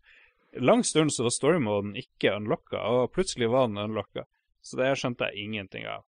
Og den der eh, story moden, der er, det er jo som å se en film, egentlig, med litt slåssing imellom. Det er litt kult, på et vis. Ikke at jeg fikk med meg så mye av handlinga som vanlig når jeg spiller sånne spill så, hvor handlinga ikke er så veldig viktig. Men jeg skal kanskje prøve å spille det på nytt. Skal kanskje lage en sånn Let's Play-greie hvor jeg skal ta Mats til å gå gjennom tutorialen. For jeg husker jeg holdt på å dø av sinne da jeg holdt på det. Det kan være, det kan være morsomt å følge, følge, med på. Jeg har sittet og sett litt uh, på Twitch på folk som har spilt det. Og, uh, veldig kul den der rytmen i åssen kampene foregår. At, uh, at du ser på en film, og så bare plutselig så er det en kamp. Og der mm. dialogen fortsetter i kampen, og så videre. Og idet kampen er over, så går du rett inn i film igjen. Og... Ja, det går veldig fort. Og av og til så er det veldig sånn stuttering eh, frames, så PC Master Race-folk må absolutt ikke kjøpe det spillet der. For det, selv om det er 60 frames i selve slåssinga, så er det 30 og mindre i filmsekvenser. Ja. Oh my god! Ja, vel. Ødelagt av oh konsollene. Dummere! men, eh, men det er veldig gøy å spille. Det er, det er litt rart at plutselig så vil alle spille Mortal Kombat. Det skjønner jeg ikke. liksom Mortal Kombat X? Er det fordi det er X? Er det fordi at man har kommet på en sånn rar slutt av en syklus hvor man var lei av Tekken og alt det her, og så nå så er man plutselig klar, og retromekanismene har slått inn, og jeg vet ikke Hvorfor vil folk spille det er jo en viss nostalgi. Det var mange som var glad i Mortal Kombat på 90-tallet. Jeg husker til og med vår venn eh, Knut, som eh, de som har hørt eh, hytteturepisoden, kan høre rope og skrike i bakgrunnen. Han uh, var veldig glad i Mortal Kombat på, på Arkademaskin, husker jeg, i Harstad. Uh, ja, men det har kommet mange, mange Mortal Kombat-spill siden den gang, da. Jeg spilte de første to spilte jeg innbitt på, på PC, faktisk. Med tastatur. Back in the day. så jeg var veldig fan av serien, men jeg syns det ble veldig flåsete etter hvert. En ganske sånn uinteressant serie som når, når, når Babalities kom, ja, når du kunne gjøre fienden om til Det ble så mye gimmicks, og de hadde liksom ikke noe å gi, og så var det ikke like fantastisk. Friendship? Ja. Men det var, det var, liksom ikke så givende lenger med den her filmgrafikken, som var veldig fascinerende da spillene kom opprinnelig. Ja, det var veldig kul da den kom. Så jeg tror mye av grunnen til at det er såpass populært som det er nå, er at dette spillet regnes litt som en, en sånn eh, Hva skal du si, en sånn revival av serien, da. Der de har tatt en del nye grep, og de har, de har, virkelig lagt litt arbeid inn i å prøve å fornye både karakterer og, og åssen spillet foregår. Uh, så de prøver å gjøre det litt imponerende igjen, mens det har bare vært bare sånn he helt uh, forglemmelige oppfølgere. Sånn samlebåndsoppfølgere de siste ti årene, i hvert fall. Og så er det jo laga litt for gamere òg, fordi japanerne har jo mer eller mindre gitt opp de her slåssespillene sine. Altså, Tekken ga det jo ut som prøv, skulle de prøve seg på noen sånn free to play-greier, der du skulle kjøpe karakterer og sånn. og da det liker jo ikke gamere i det hele tatt, men det her er liksom eh, Det er et av de få slåssespillene som prøver å bevare integriteten sin, kanskje, og samtidig fornye seg og være litt sånn krampaktig edgy og Mm, jo Ekstremt gory. Ja, de, det er jo ganske silly, det. Hele det der uh, fatality. Og du har også sånn Du kan trykke inn L2 og R2 når du har bygd opp et sånt uh, energimeter, og da gjør du automatisk sånne helt syke ting. Det er da du får de røntgenmovesen ja, som ser inn ja, ja, i hodet. Og det er veldig, de er veldig enkle å pull off, men de ser veldig gøy ut. Og det er sånn her, Noen skyter to piler inn i øynene på en fyr så ser du bare at de går gjennom hodet på sånn røntgen, men så stikker det enda litt ut, så da tar du tak i de, og så begynner du å slå han i bakken med etter pilen. pilene, ja. Jeg så det. det var veldig gøy. Ja, det er sykt over the top, og det er veldig ble, gøy av og til. Jeg ble veldig sjarmert av den der selfie-fatalityen. Folk kan jo gå på nett og se den hvis de lurer på hva det er. Men det er bare mm. google 'selfie fatality', så får dere se. Ganske snedig. Den er veldig, veldig yes. morsom. Men det anbefales, uh, Lars? Ja, enn så lenge. Det er mye spill for pengene. Jeg tenkte en gang så må vi snakke om ting vi angrer på, enten av ting vi har kjøpt, eller et eller annet gjort med spill. Og jeg angrer litt på at jeg kjøpte den der uh, Xbox One? Nei, jeg kjøpte den der nesten 900 kroners versjonen av Mortal Kombat X. 900 kroner for å få med Goro og sånn. Ja, 800 og et eller annet. Nesten har du, ikke, har du ikke bare forhåndsbestilt fire expansions med 25% rabatt? Jeg kunne sikkert bedt om å få en kode hos noen, kanskje. Jeg vet ikke. Men eh, jeg ville jo ha det der og da. Og så kunne jeg velge mellom en som versjon på PlayStation Store som var kjempedyr, sånn 500-600, eller jeg kunne kjøpe den med alt til 800. Og da virka valget veldig enkelt der og da, og nå angrer jeg som en hund. Jeg leste veldig kjapt over hva den der eh, versjonen inneholdt, og jeg mener å huske at det var 25% rabatt på de fire neste expansionsene som kom. Oh lord. så, ja. Altså, skal du velge vinmeny, så velger du den dyre. Skal du kjøpe dataspill, så velger du det billige. Men, Det er hovedet. Du har basically betalt for en tilgodelapp. ja, fuck. Kan jeg angre? Hvor lenge kan man angre på sånne online-spill? Uh, 14 dagers sjangerrett. hvis du ikke har åpna eller åpna filer du har lasta ned eller lasta ned. Ja, for du har helt sikkert ikke akseptert en eller annen aula hos Sony om akkurat det. Hvor... Uh, du får sjekke den aulaen du printa ut, se om det står noe der. Ja, men, men, det er, men, det som er bra nå, er jo at jeg kjøpte et så sykt dyrt spill, så nå må jeg jo lære meg noen moves. Så ja. det ja, det blir det å gjøre. Jeg gleder meg til, til Lolbua Let's Play fra, fra Mortal Kombat. Det blir gøy.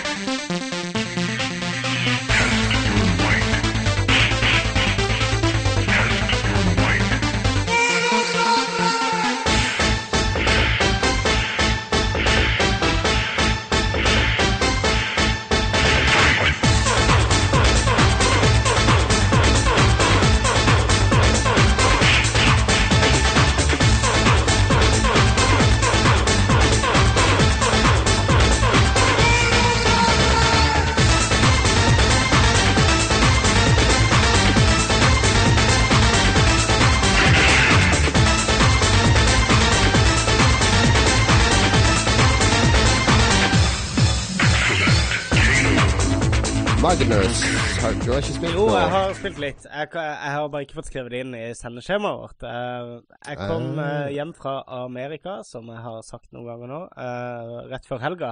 Og jeg har egentlig vært litt i sånn jetlag-toget og sovet litt og vært litt våken, litt sånn om med hverandre hele veien. Så da passer det egentlig helt greit å sette seg ned med et, et ja, til og med tematikken i spillet stemte jo litt. Um, jeg tok for meg Life Is Strange episode 2, som jeg egentlig hadde bestemt meg for å vente med. Men ja, min form uh, tilsa at å sette seg ned med et bite size-spill uh, uh, passer ganske bra. Uh, og uh, hun er jo også ganske tidsforvirra med tanke på muligheten til å spole tida tilbake. Ja, kunne, du, kunne, du, reagere? Kunne eller kunne du kjenne deg igjen i henne? Uh, nei, jeg har jo det problemet jo, med å relatere til denne hovedpersonen, da. Og jeg, vil, jeg, vil, si at jeg, denne episoden har kanskje langt på vei sementert mitt inntrykk av at hun er litt dust. Og det syns jeg egentlig de fleste hovedpersonene der er. Uh, men jeg liker spillet. En, det er sånn merkelig ambivalens jeg har til det spillet her. Men det som gjorde det litt ekstra spennende denne gangen, her var at uh, jeg har jo bestemt meg for at uh, jeg skal begynne å streame litt. Jeg må bidra litt på Lolbua. Så jeg har lagd en egen liten sånn tørrtreningskonto på Twitch som heter Lolbua M mm. for Magnus. Uh, der er sikkert sikkert litt sånn fremover kommer til å spille litt. Kanskje i et par-tre timer i gangen. Så hvis folk er interessert i det, eller bare hive seg på. Uh, og da streama jeg mens jeg spilte gjennom uh, episode to. Um, ja. Jeg hadde, jeg hadde Jeg pika med elleve seere, som jeg syntes var helt fantastisk. Uh -huh. Jeg fikk uh, tre followers. Og ja, jeg ser -huh. egentlig på meg sjøl som ei superstjerne på streaminghimmelen allerede. Men det var ganske kult, og jeg tenkte Nå har jeg kjøpt meg sånn Elgato-kort og sånne ting også i USA, og jeg ser litt på mulighetene til å spille inn litt uh, forskjellig. Ja. Og vi får mye spill hele tida. Det, ja, det blir litt mer pressure når du spiller Veldig. live. Og jeg merker Du kan ikke bruke et kvarter på å prøve å få kameraet til å se opp under skjørtet. Nei, og det var jo et kjempeproblem. Men det som er greia med Life is Strange Altså, én ting er at når du ikke har skills Jeg tror jeg ligger sånn midt på treet på skills i skytespill og sånne ting, så jeg er ikke så veldig hypp på å streame det, men det er litt gøy å utlevere seg sjøl òg. Men, men, på Life is Strange så er det jo eh, i hovedsak et uh, tenkespill, et utforskingsspill, der du du viser litt av åssen du tenker med hvordan du uh, beveger kamera osv., og, så videre, og hvor raskt du klarer å løse gåtene og sånn. Så det, Even, eventuelt viser du at du har runda det tre ganger før, før du tar og streama det. Å, åpenbart! Å, det er jo logisk. jeg, jeg hadde åpenbart ikke gjort det. Og det var noen steder jeg satt fast litt for lenge på sånn kjedelige deler av spillet, eh, må jeg jo nesten legge til. Men, men da merka jeg at den der uh, forventningspresset på en måte økte, og det begynte å komme inn kommentarer i kommentarfeltet. Så du må, du må gå der! Du må gjøre det. Ja, idiot. Tenk nå. ikke sant?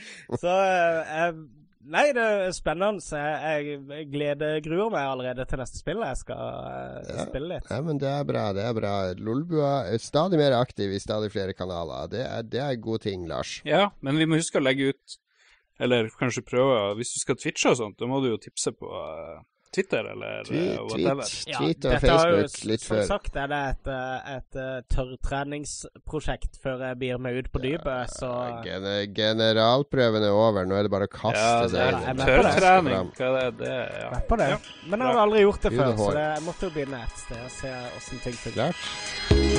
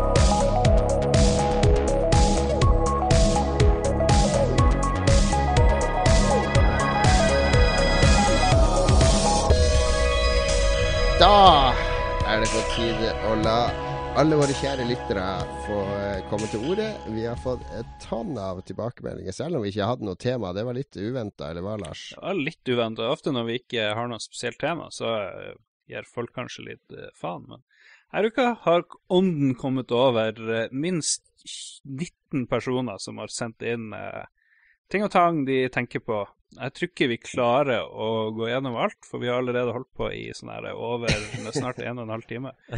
Men eh, vi skal ta for oss eh, litt av vi får, eh, vi får prøve. Og som vanlig så er det fløyelsstemmen fra nord.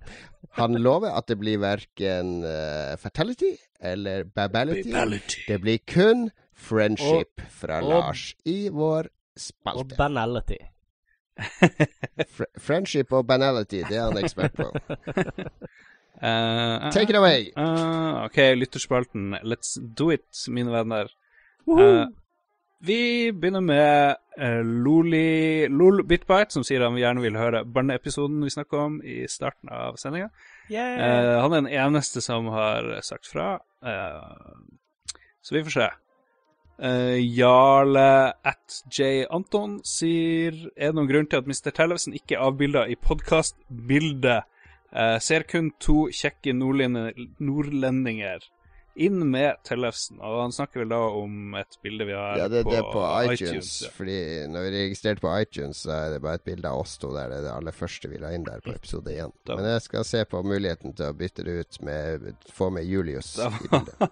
Da var ikke Magnus eh, Arve Tellefsen med. Jeg skal se om jeg kan lage noe. Yes. Um, uh, Rune Lærum Lien spør om det er mulig å lage to podkaster i uka. Holy mother. Dere har sikkert mye annet å gjøre, men er utrolig artig å høre på dere når jeg er på jobben eller trening. Beste spill og rør-podkasten. Tusen takk, Rune Lærum Lien. Ja, tusen takk. takk, takk. Det er ingenting som er bedre å høre enn det, men uh, det er også en god idé å og uh, at folk ønsker å høre mer, og at ikke vi tar helt av på, på, dette her. Ja, det hadde vært mulig å lage to, men da, vi må også tjene til livets opphold. Og vi tjener ikke så mye på Lolbua, men om vi setter opp en Patrion, og det plutselig kommer inn donasjoner på 100 000 kroner i måneden, da da kan vi lage podkast hver dag, faktisk. Får ikke, får ikke dere lønn fra Radcrew? Det var den engangssummen nei, glem det, glem det. Ja, nei, det, bare, det var en spesialordning. Men veldig, veldig hyggelig fra Rune. Veldig hyggelig. Veldig hyggelig. Ja. Eh, og så over til noe helt annet. Ola Thorsen foreslår som tema, eller spørsmål i hvert fall, vil Electronic Arts ødelegge Battlefront-serien? Battlefront. Og det er jo ikke et så stort tema at vi ikke kan spille om det. Eller han vil vel òg at vi skal snakke om Star Wars og sånne ting òg. Muligens. Ja, for det har kommet en, eh, en Star Wars Battlefront-trailer. Ja. Det lages jo av Dice, som kjent. Så veldig pent ut. Eh, I ettertid så hører jeg en del som murrer at vi, en ATT, den kan du ikke styre. Den kan bare gå rett fram med en sånn rute som spiller og sånn. Folk skal alltid fekte i hjel moro. Ha, hadde ikke dere en kompis når dere lekte når dere var små, som alltid måtte, måtte bryte inn i leken og si at uh, det går ikke, det er ikke realistisk pga. en eller annen regel? Det er ikke at det er realistisk, det er jo at, uh, at den går på rails, så det er en illusjon at du kan styre den. Å oh, ja, sånn ja. At, uh, jeg tror ja. han mente at det ikke går i Fordi det, Du har ikke friheten til å kontrollere den som du vil i spillet, men du kan gå inn i den, og så går den en fast rute på brettet. Ja. Men, så jeg vet ikke. Jeg, jeg, klarer ikke å dømme sånne ting på forhånd, fordi gamere er, og journalister og til en viss grad De er så utrolig raske ute til å dømme ting basert på det de er vant til. Ja. Eh, hvis du skulle ha hørt om, eh, om, Dark Souls på forhånd, så hadde du sagt ja, ah, du dør hele tida. Herregud, det er altfor gammeldags og tullete. Men når du prøver det, så skjønner du meninga med det de har gjort. Så det kan være en mening med det som vi ikke skjønner her og nå, at det ikke bare er en sånn teit begrensning som de har lagt Jeg har ikke vært så veldig interessert i Battlefront 1 og 2, eller Battlefront som vi sier. Uh, men, men, jeg begynte å spille litt uh, Battle, Battlefield uh, nå for et års tid siden. Og jeg Hvor får du den uttalen fra? kompis.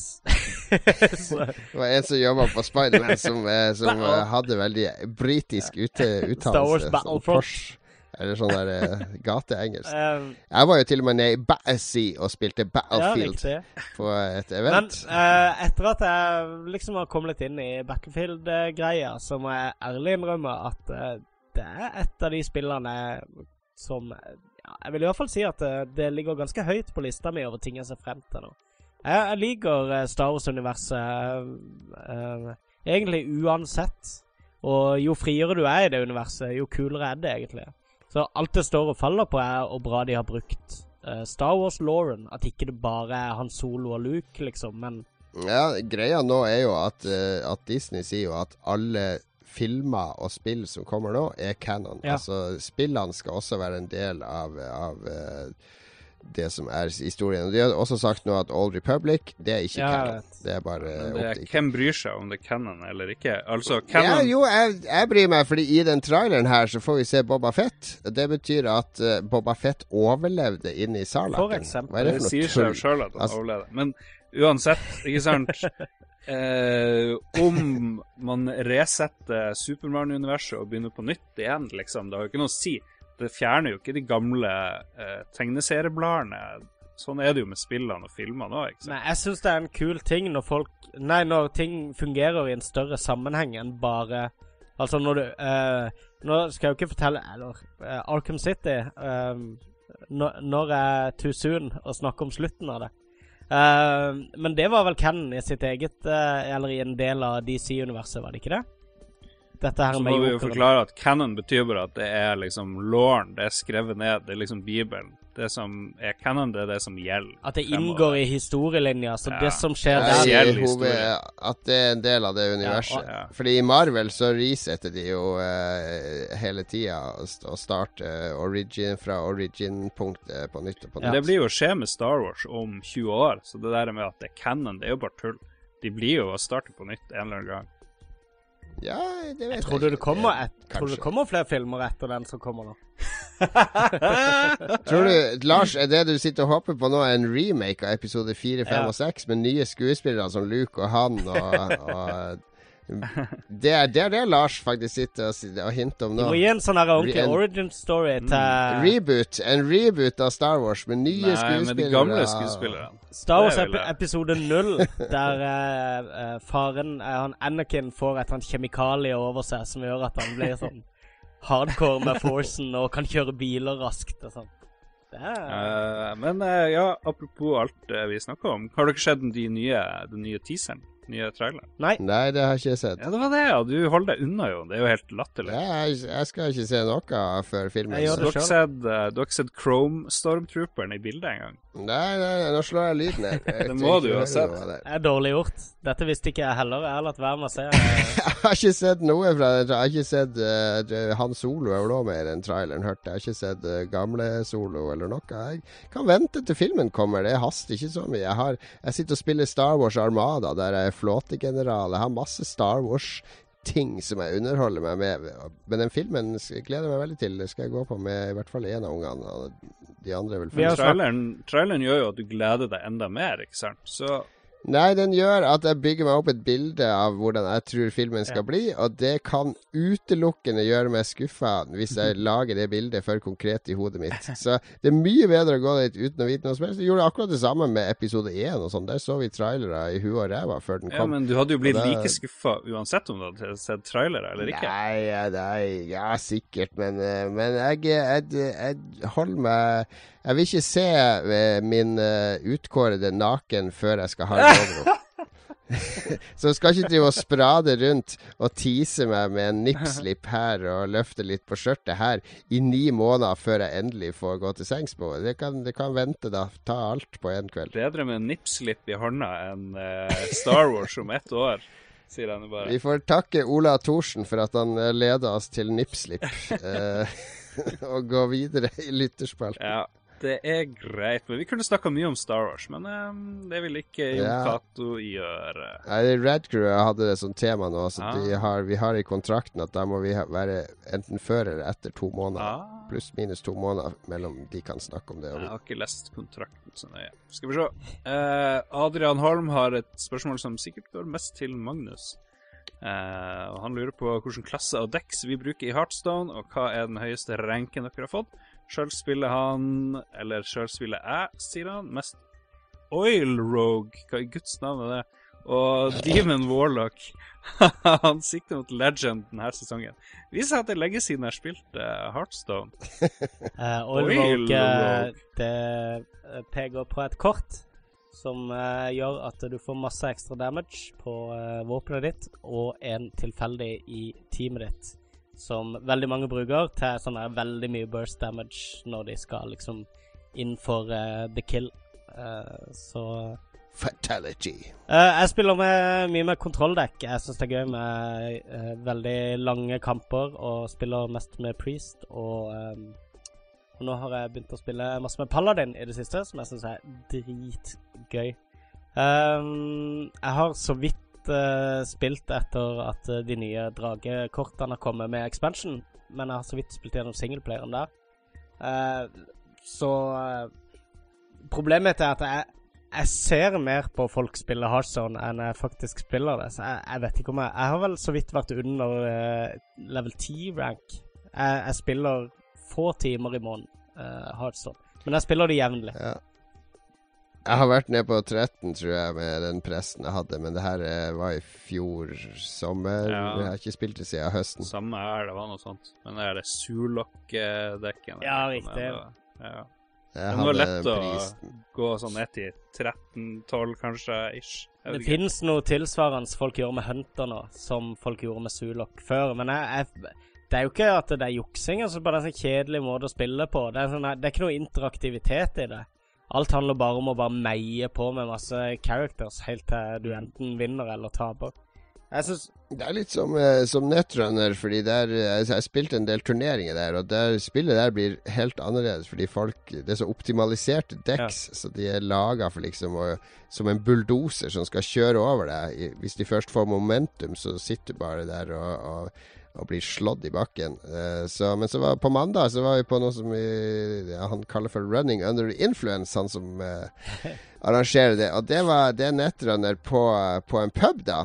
Så vi drikker mm. øl, og da har vi mye, med, mye mer sånne eh, eksperimentelle og lekne kortstokker. Det er mye morsommere, syns jeg, Fordi da, da er det ikke det, det, er ikke så intenst. Men det har Blizzard vært ganske flinke på faktisk med Heartstone, er at de nerfer veldig forsiktig, da. Så nerfer de de kortene som de mener altså kødder med rytmen utover sånn de var ment å spille, da. Uh, og det, det er jeg syns Blizzard skulle innføre sånn durability på kort, så at du bare kan bruke det i sånn 2000 ganger, så er de utslitt. Men så kan du kjøpe sånne eh, digitale sleeves, så varer de ti ganger lenger. Det var en kjempeidé. Ikke si det høyt, egentlig, for den tror jeg de tar hvis de jeg skal, kan. Jeg skal bare sende meg ansettelseskontrakt, Blizzard, for ideen. Yes! Lars, var... hva, hva, er din uh, Er du ennå i Heartstone-universet? Nei, nei, det var liksom Da det kom den der første expansion, så datt jeg litt av. Jeg syns det, det, var nok kort for meg, første greia. Ja. Det var, og så kom det litt sånn Skled litt ut. Har dere testa mobilversjonen, forresten? Det, ja, den funker funker veldig bra uh, til å spille. Men ikke til å lage dekk og sånn. Da må du på en større skjerm. Men uh, jeg var overraska. Jeg har jo drevet og lurt til meg muligheten til å spille Hardstone på mobilen. Mm. Med en sånn hack på Android eller tablet-versjon. Oh. men å se de designendringene de har gjort for å gjøre det spillbart på telefon, var, det var gledelig. Blizzard vet hva de ja, driver med. Ja, de er smooth. De er flinke flink folk. Veldig. Veldig. Uh, Tore Tjoho, etter at uh, Tjoho 2009, sier um, Jeg holdt nesten på å lese vis oversettelse, som jeg klipte med. Bør Supergiant Games tredje spill være mer som Bastion eller Transistor? Jeg elsker Transistor, men klarte ikke spille ferdig Bastion. Det bør være noe helt nytt. Eller de holder seg kanskje i 3D-isometrisk, men Overraske oss, er ikke det vi vil. Mm. Transistor var en kjempeoverraskelse. Bastion var òg det. Så bare fortsett å overraske og leke med systemet, så blir det nok bra. Det var lettere å bli fenga av transistor, så jeg er litt enig med han eh, Tore Tjo. Ja, transistor var litt mer hypnotiserende, mm. syns jeg. Ja. Så det er vår klare anbefaling. Eller er du uenig, Tom Magnus? Tom Magnus? Tom Magnus, du er veldig var for noe at vi feiluttaler navnet ditt. Ja, jeg, Ingenting. jeg skjønner. Ja, men Det er tydeligvis en sånn bug i Lolbua som gjør at eh, navnet mitt uh, noen ganger ikke går helt gjennom maskineriet. Jeg er ikke så fan av uh, verken Bastion eller uh, uh, Transistor, må jeg ærlig innrømme. Jeg syns de er litt kjedelige. noen ganger så treffer ikke ting, selv om alt var egentlig lagt til rette for at jeg skulle synes de var ganske kule. Men ja. kanskje jeg bare trenger å legge mer tid. Sånn er det. Tom Ødegaard at BigHurt360. Jeg tror han er i nærheten av Skedsmo Norge. Er det for mye å si? Nei. Det var litt gøy at det kom med på Twitter-meldinga. Han, han, jobber på GameStop i Oslo, da. Vi kan si det. Ja. Det er ikke, ikke hemmelig. Jupp. vi diskuterte jo litt Destiny, så han sier at det er ingenting som frister med Destiny. Lurer på hvordan de skal få ti, ti år ut av det spillet. Og det, det er godt observert, egentlig. Jeg vet ikke at ingenting frister hos meg, men ti år, det er heftig. Da må de levere noe, noe sykt mye mer enn de har levert nå, da. Men eh, de har ikke vært litt sånn politikere på den uttalelsen om ti år og sagt at franchisen skal leve i ti år, f.eks.? Ja, det må jo være noe sånt. Og at eh, de kan slippe Destiny 2 eh, nå til sommeren, hvis de vil. Men da er jo ti år litt lite også, ikke sant? Destiny 3, Destiny 4 ja. Hvor mange Halo finnes det, liksom? Det skal jo komme fem Destiny, tror jeg det er annethvert år. Det er min eh, Ja, ikke sant? Så, og, og, det er ikke umulig. Ja, eh. Men det kan være sånn at neste Destiny installeres sammen med det andre. Så du har liksom tre nye planeter og uh, utvide de gamle områdene. Og alt det gamle fortsatt er der, at det bare blir større og Destiny større. Destiny 2, tre planeter. To dungeons!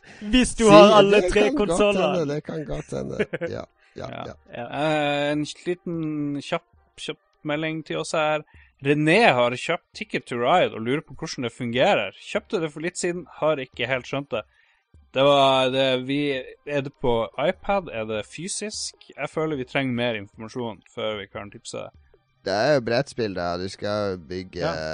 toglinjer. Jo, jeg vet jo, jeg vet jo, men det er jo litt sånn forskjellig hvordan du tilnærmer deg det, alt etter hvilken plattform du er på. Hvis du er på iPad, så er det jo veldig lett, eh, f.eks. Ja. Så, men ja. Søk på YouTube etter 'Ticket to Ride uh, Instructions', så er det sikkert en eller annen som har laga en eh, detaljert demonstrasjon av hvordan Eller gjør sånn som jeg alltid gjør for tida. Gå på Twitch og sett deg ned og se noen spille i et par timer, så skjønner du det. Jeg vet ikke om det finnes mye 'Ticket to Ride' på Twitch. Da. Det finnes alt på Twitch. Jeg tror du kan finne kabal på Twitch hvis du leter godt. Ja. Jeg har bare ett kjapt tips til dere. Eh, få, Finn tak i masse papir og så tar du og tygger det, og så blander du en sånn spytt, og du får sånn cellulosemasse, fordi spillet må du bygge sånne togskinner med, eh, med papirting, og det blir mye lettere hvis du da har væta opp eh, papiret og liksom kan gjøre, gjør det mer som en skulptur. Så det er mitt, eh, mitt råd der. Men seriøst, fins det ikke noe streaming av brettspill på, eh, på nett? Er det ingen som gjør det? Jo, noe, men det er ofte det er så små uh, tekst og små brikker at hvis du ikke er helt oppe i brettet uh, Altså Hvis du lager bare sånn oversikt over spillebordet og sånn, så går det ikke an å få med seg detaljene i hva som skjer, egentlig. Riktig. Så det er da du trenger en PC Master Race? Å, ja, du trenger f.eks. han der uh, Angry Joe, som vanligvis har om dataspill. Han streama en sånn der uh, Star Wars Armada-miniatyrspill, mm. og da hadde de sånn fem kameraer eller noe sånt. For at du skulle få se litt på nært hold hva som skjedde. For Hvis du bare sitter og ser langt bort, så ser du bare masse sånne bitte små ting på et ja, bord. Riktig, så det er ganske omfattende å, å få til. Ja, det er bedre de som er ferdig regissert og sånn, eh, enn en streama. Vi kan også anbefale René å kjøpe sementblander, for det har bestandig hjulpet. Uh, Hva er det du snakker om? Er det, har du glemt å ta noe medisin? Og klokka over midnatt, det er derfor. Du må prøve å spille Ticket to Ride en gang. Det er veldig bra. Det er veldig mye man skal gjøre, gjøre der. Uh, skal vi se Jeg skal i Kulturnytt i morgen tidlig. Nå må vi avslutte. Må vi avslutte? Her. Skal vi se Ja, OK, skal vi avslutte der? Vi må finne et siste kjapt spørsmål her. Jeg pløy nå Jeg vet Vi kan pløye fort igjennom. Nei, vi skal ikke pløye fort igjennom. Vi tar Det er altfor mye. Skal vi ta det neste gang, da? Vi tar, vi tar og, og overfører det til neste gang. Men vi kan ta en kjapp overskrift på hvordan lage den perfekte biff. Uh, ja, den er til Magnus. Ja, den er til Magnus. Ja, men uh, det krever utstyr hvis du skal ha den perfekte biffen. Da må du ha sovid. Kom igjen, da. Kom igjen, da. Du må ha et uh, eh, sovid-opplegg. Så vakumerer du biffen din. Så setter du den på 54 grader. Skal du vakuumere den da helt rå, ikke med noe krydder? Helt rå, med litt grann nøytral ja. olje, så den ikke klistrer seg. Så lar du den ligge i en og en halv time. Åssen vakuumerer du med olje? Fordi det, blir, det, det, dras jo ut, og det får ikke skjegla på seg. For at den ikke skal klistre seg. Du skal bare bitte, bitte grann oppi. Men hallo, vanlige okay, folk har ikke sovid, sånne vakuumkoketing. Så det Ja, da får du heller ikke den perfekte biffen. Men, men uh, um, en som heter Hesten Blumenthal, har lagt ut en helt sinnssykt bra uh, og enkel instruksjonsvideo på åssen du steiger den perfekte biff i steigepanne. Tipset er superhøy hastighet og å snu biffen hvert 15. sekund. Uh, det er måten å få jevn uh, temperatur inn gjennom hele biffen. Superhøy hastighet? Eller altså Nei, varme? Ja, jeg mente varme, så er hastighet. Ja. ja jeg trodde du skulle stå som sånn uh, Benny Hill-figur. ja, nei, superhøy varme, selvfølgelig. idiotisk ja. høy varme. Men det er også løsninga hvis du har sovedopplegg. Så når den er ferdig etter halvannen time på 54 grader, eller 55, så svir du den som en motherfucker på dødshøy varme. Og da får du en dødsbra skorpe på utsida og eh, perfekt medium rare på innsida. Men unnskyld, når jeg lager biff, så kjører jeg jo på med vill varme. Men biffen blir jo brent opp før den er liksom ferdig stekt. Ideen er at liksom... hvis du snur den, så eh, Dette her viser han også i den instruksjonsvideoen, faktisk. Hesten Blumenthal. Folk må google han. Han er dritfet. Han har vitenskapskap. Ja, men han er han, han viser et sånn varmekamera på en biff der, og viser hvordan temperaturen i biffen eh, dramatisk senkes etter at du snur biffen. Så hvis du snur den hvert 15. sekund, så rekker han ikke å bli sånn superglovarm gjennom hele og brenne før du snur den igjen. Så på den måten kan du liksom sende sånn små signal, små sånn bølger med varme inn i biffen. Uh, så lenge du snur og snur og snur. Uh, så han blir jevnt gjennom. Og la han alltid hvile. Like lenge som du har stekt den. Mitt tips. Nice. Jeg vet ikke om Geir Botnen Eid ble så jækla mye klokere, men kanskje litt. Si, si fra hvis det er noen detaljer der du føler du gikk glipp av? Det, det, er ikke rocket science, akkurat. Det følte ikke jeg heller at det var, egentlig. jo Da var vi ved veis ende. Det ble en eh, lang eh, episode med en hyggelig besøk av PC Master Race, mimring av spillbutikker, gode spillanbefalinger og mange gode lyttespørsmål. Alle de som ikke fikk svar i denne episoden, vi tar det med neste gang. Eh, og noe av det tar vi som, som egne temasendinger. Er det noe, noe dere vil legge til? Uh, ja, altså siden du dementerte så veldig din uh, stance som ultra-PC Master Race-dude, så må vel jeg òg få lov til å si at jeg er ikke så uh, PC-hater heller. Herregud, så kjedelig. Må dere slutte å Nei, men det jeg skulle si, Jesus var nemlig at jeg nettopp har lasta ned nytt spill til Steam, som jeg ikke har fått tid til å spille ordentlig ennå, bare to-tre minutter, som heter hette Hva var det jeg sa det hette, Lars? Westerado, var det ikke det det heter? jeg husker ikke. Du så kom ikke på det. Så sinnssykt sjarmerende lagt opp.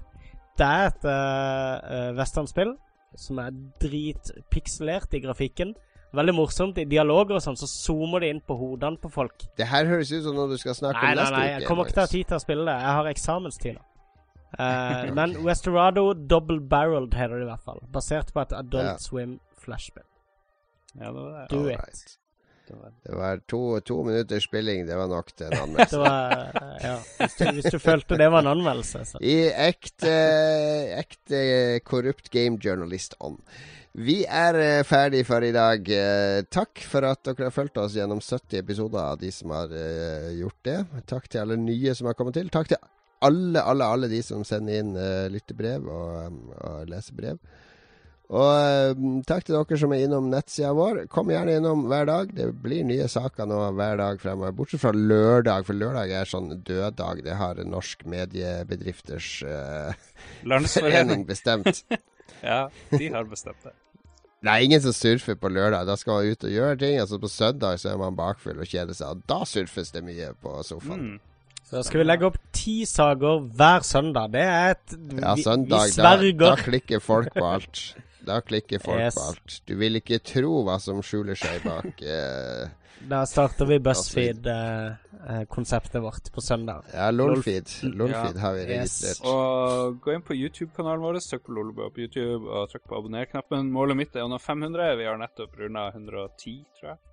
Så det blir gøy. Men du har sånne 700 abonnenter, Jon. Kan ikke du få noen av de til å følge eh, liksom Lolbua-YouTube. Jeg har ikke så mye kontakt med de abonnentene, Men uh, du kan, bare hvis du lager en video og ber de komme over til deg, så kan jeg legge den ut på min. Ja, jeg skal lage en sånn Så får de i hvert fall den video. i uh, feeden ja. sin. Jeg må printe ut sånn stort bilde av deg, trynet ditt, sånn at de tror at det er du som prater. ja. Vi burde egentlig ikke ha bilde av Lars og Jon på uh, på iTunes. Hun burde bare et digert bilde av Jon Cato ganger tre. Ja, absolutt. Kanskje det er det som er løsninga. Ja, kanskje vi skal kalle det for uh, døpe oss om til Jon Catos Lolbua. Akkurat sånn, akkurat sånn, sånn der rockeband som er, som er liksom uh, Tom Petty and The Heartbreakers. Så, Jon Cato presenterer Lolbua. er det ikke sånn de pleier å gjøre det? Ja, det høres ut som en veldig god idé. Vi gjør det, eller vi, vi skal vurdere det. Men følg nå Jon Cato på Twitter. Han er Fleksnes på Twitter, og Magnus er Magnus Tellefsen. Og jeg er Barack Obama. Og har mer enn nok følgere, så bare drit i det. Men send gjerne noen bilder av puppene dine til at Barack Obama, så blir jeg glad. Gutta kan også sende. Har allerede gjort. Har allerede gjort. Ja. Lars, Lars, ble redd for å fremstå som sånn sexist pga. litt banning i sånn Bloodborne-video, men jeg tror ikke han trenger å frykte det. Jeg er redd for at Barack Obama ville tro at Jeg vet ikke. Ja. Barack Obama blir sikkert glad hvis noen tweeter puppene til, til Ja. Jeg må innrømme jeg er mer interessert i på enn uh, mye annet. Men la oss nå ikke gå dit, gutta. Det er det her som alltid skjer når vi runder midnatt. Hvis vi begynner så sent at vi kommer over midnatt, så blir det Da, kommer, da begynner Lars å tro at vi er på sånn uh, nachspiel. Ja, jeg er jo det. det. det. er ingen som hører på. Er vi ikke ute på tilt? Ja. ja det, blir, uh, det blir nytt nachspiel neste uke, vi lover. Da med, kanskje med enda bedre tema. Og da nærmer det seg mai, til og med, neste uke. Men liksom ja. Ja, men hva er det med det her eh, at vi må ha et tema? Vi har masse ting Det var en kjempesending i dag, vi hadde ikke noe sånn stort tema, liksom. Men det hadde mye små ting. Herregud, hvor kverulant du blir. Nå hadde jeg laga svær spalte og greier. Det ble jo Det erstatta ja. jo temaene. ja, det var jo flott tema, men liksom uten å si 'Å, det her er tema'. Vi bare gjør det. Vi bare Vi kan ikke gå inn i episoden uten noe som helst kjøreplan eller noe Nei, sånt. Det, men, det, er greit å ha en knagg å henge sendinga på. Det er greit å ha en knagg, men vi hadde jo ikke ett tema i denne sendinga. Vi hadde masse småting. Bakrommet kaller for denne diskusjonen. Vi skal skåne våre lyttere. Vi skal ha Husk hva, hva det står i, eh, i eh, plakaten vår. Vi skal Nei, vi, i vår interne Lolbua-plakat. Vi skal ha felles front utad, ja. diskusjoner innad. Ja, det stemmer. det stiller jeg meg bak. ja, I plakatens ånd. Takk for i dag, kjære lyttere. Lolbua.no, Lolbua på Facebook, Lolbua på Twitter. Vi er overalt, og vi vokser stadig. Eh, ydmyk og glad for det. Vi ses igjen, høres igjen neste uke. Ha det bra. Ha det. Ha det.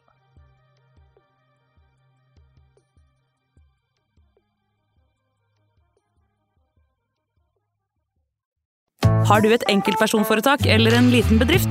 Da er du sikkert lei av å høre meg snakke om hvor enkelt det er med kvitteringer og bilag i fiken, så vi eh, gir oss her, vi. Fordi vi liker enkelt. Fiken superenkelt regnskap.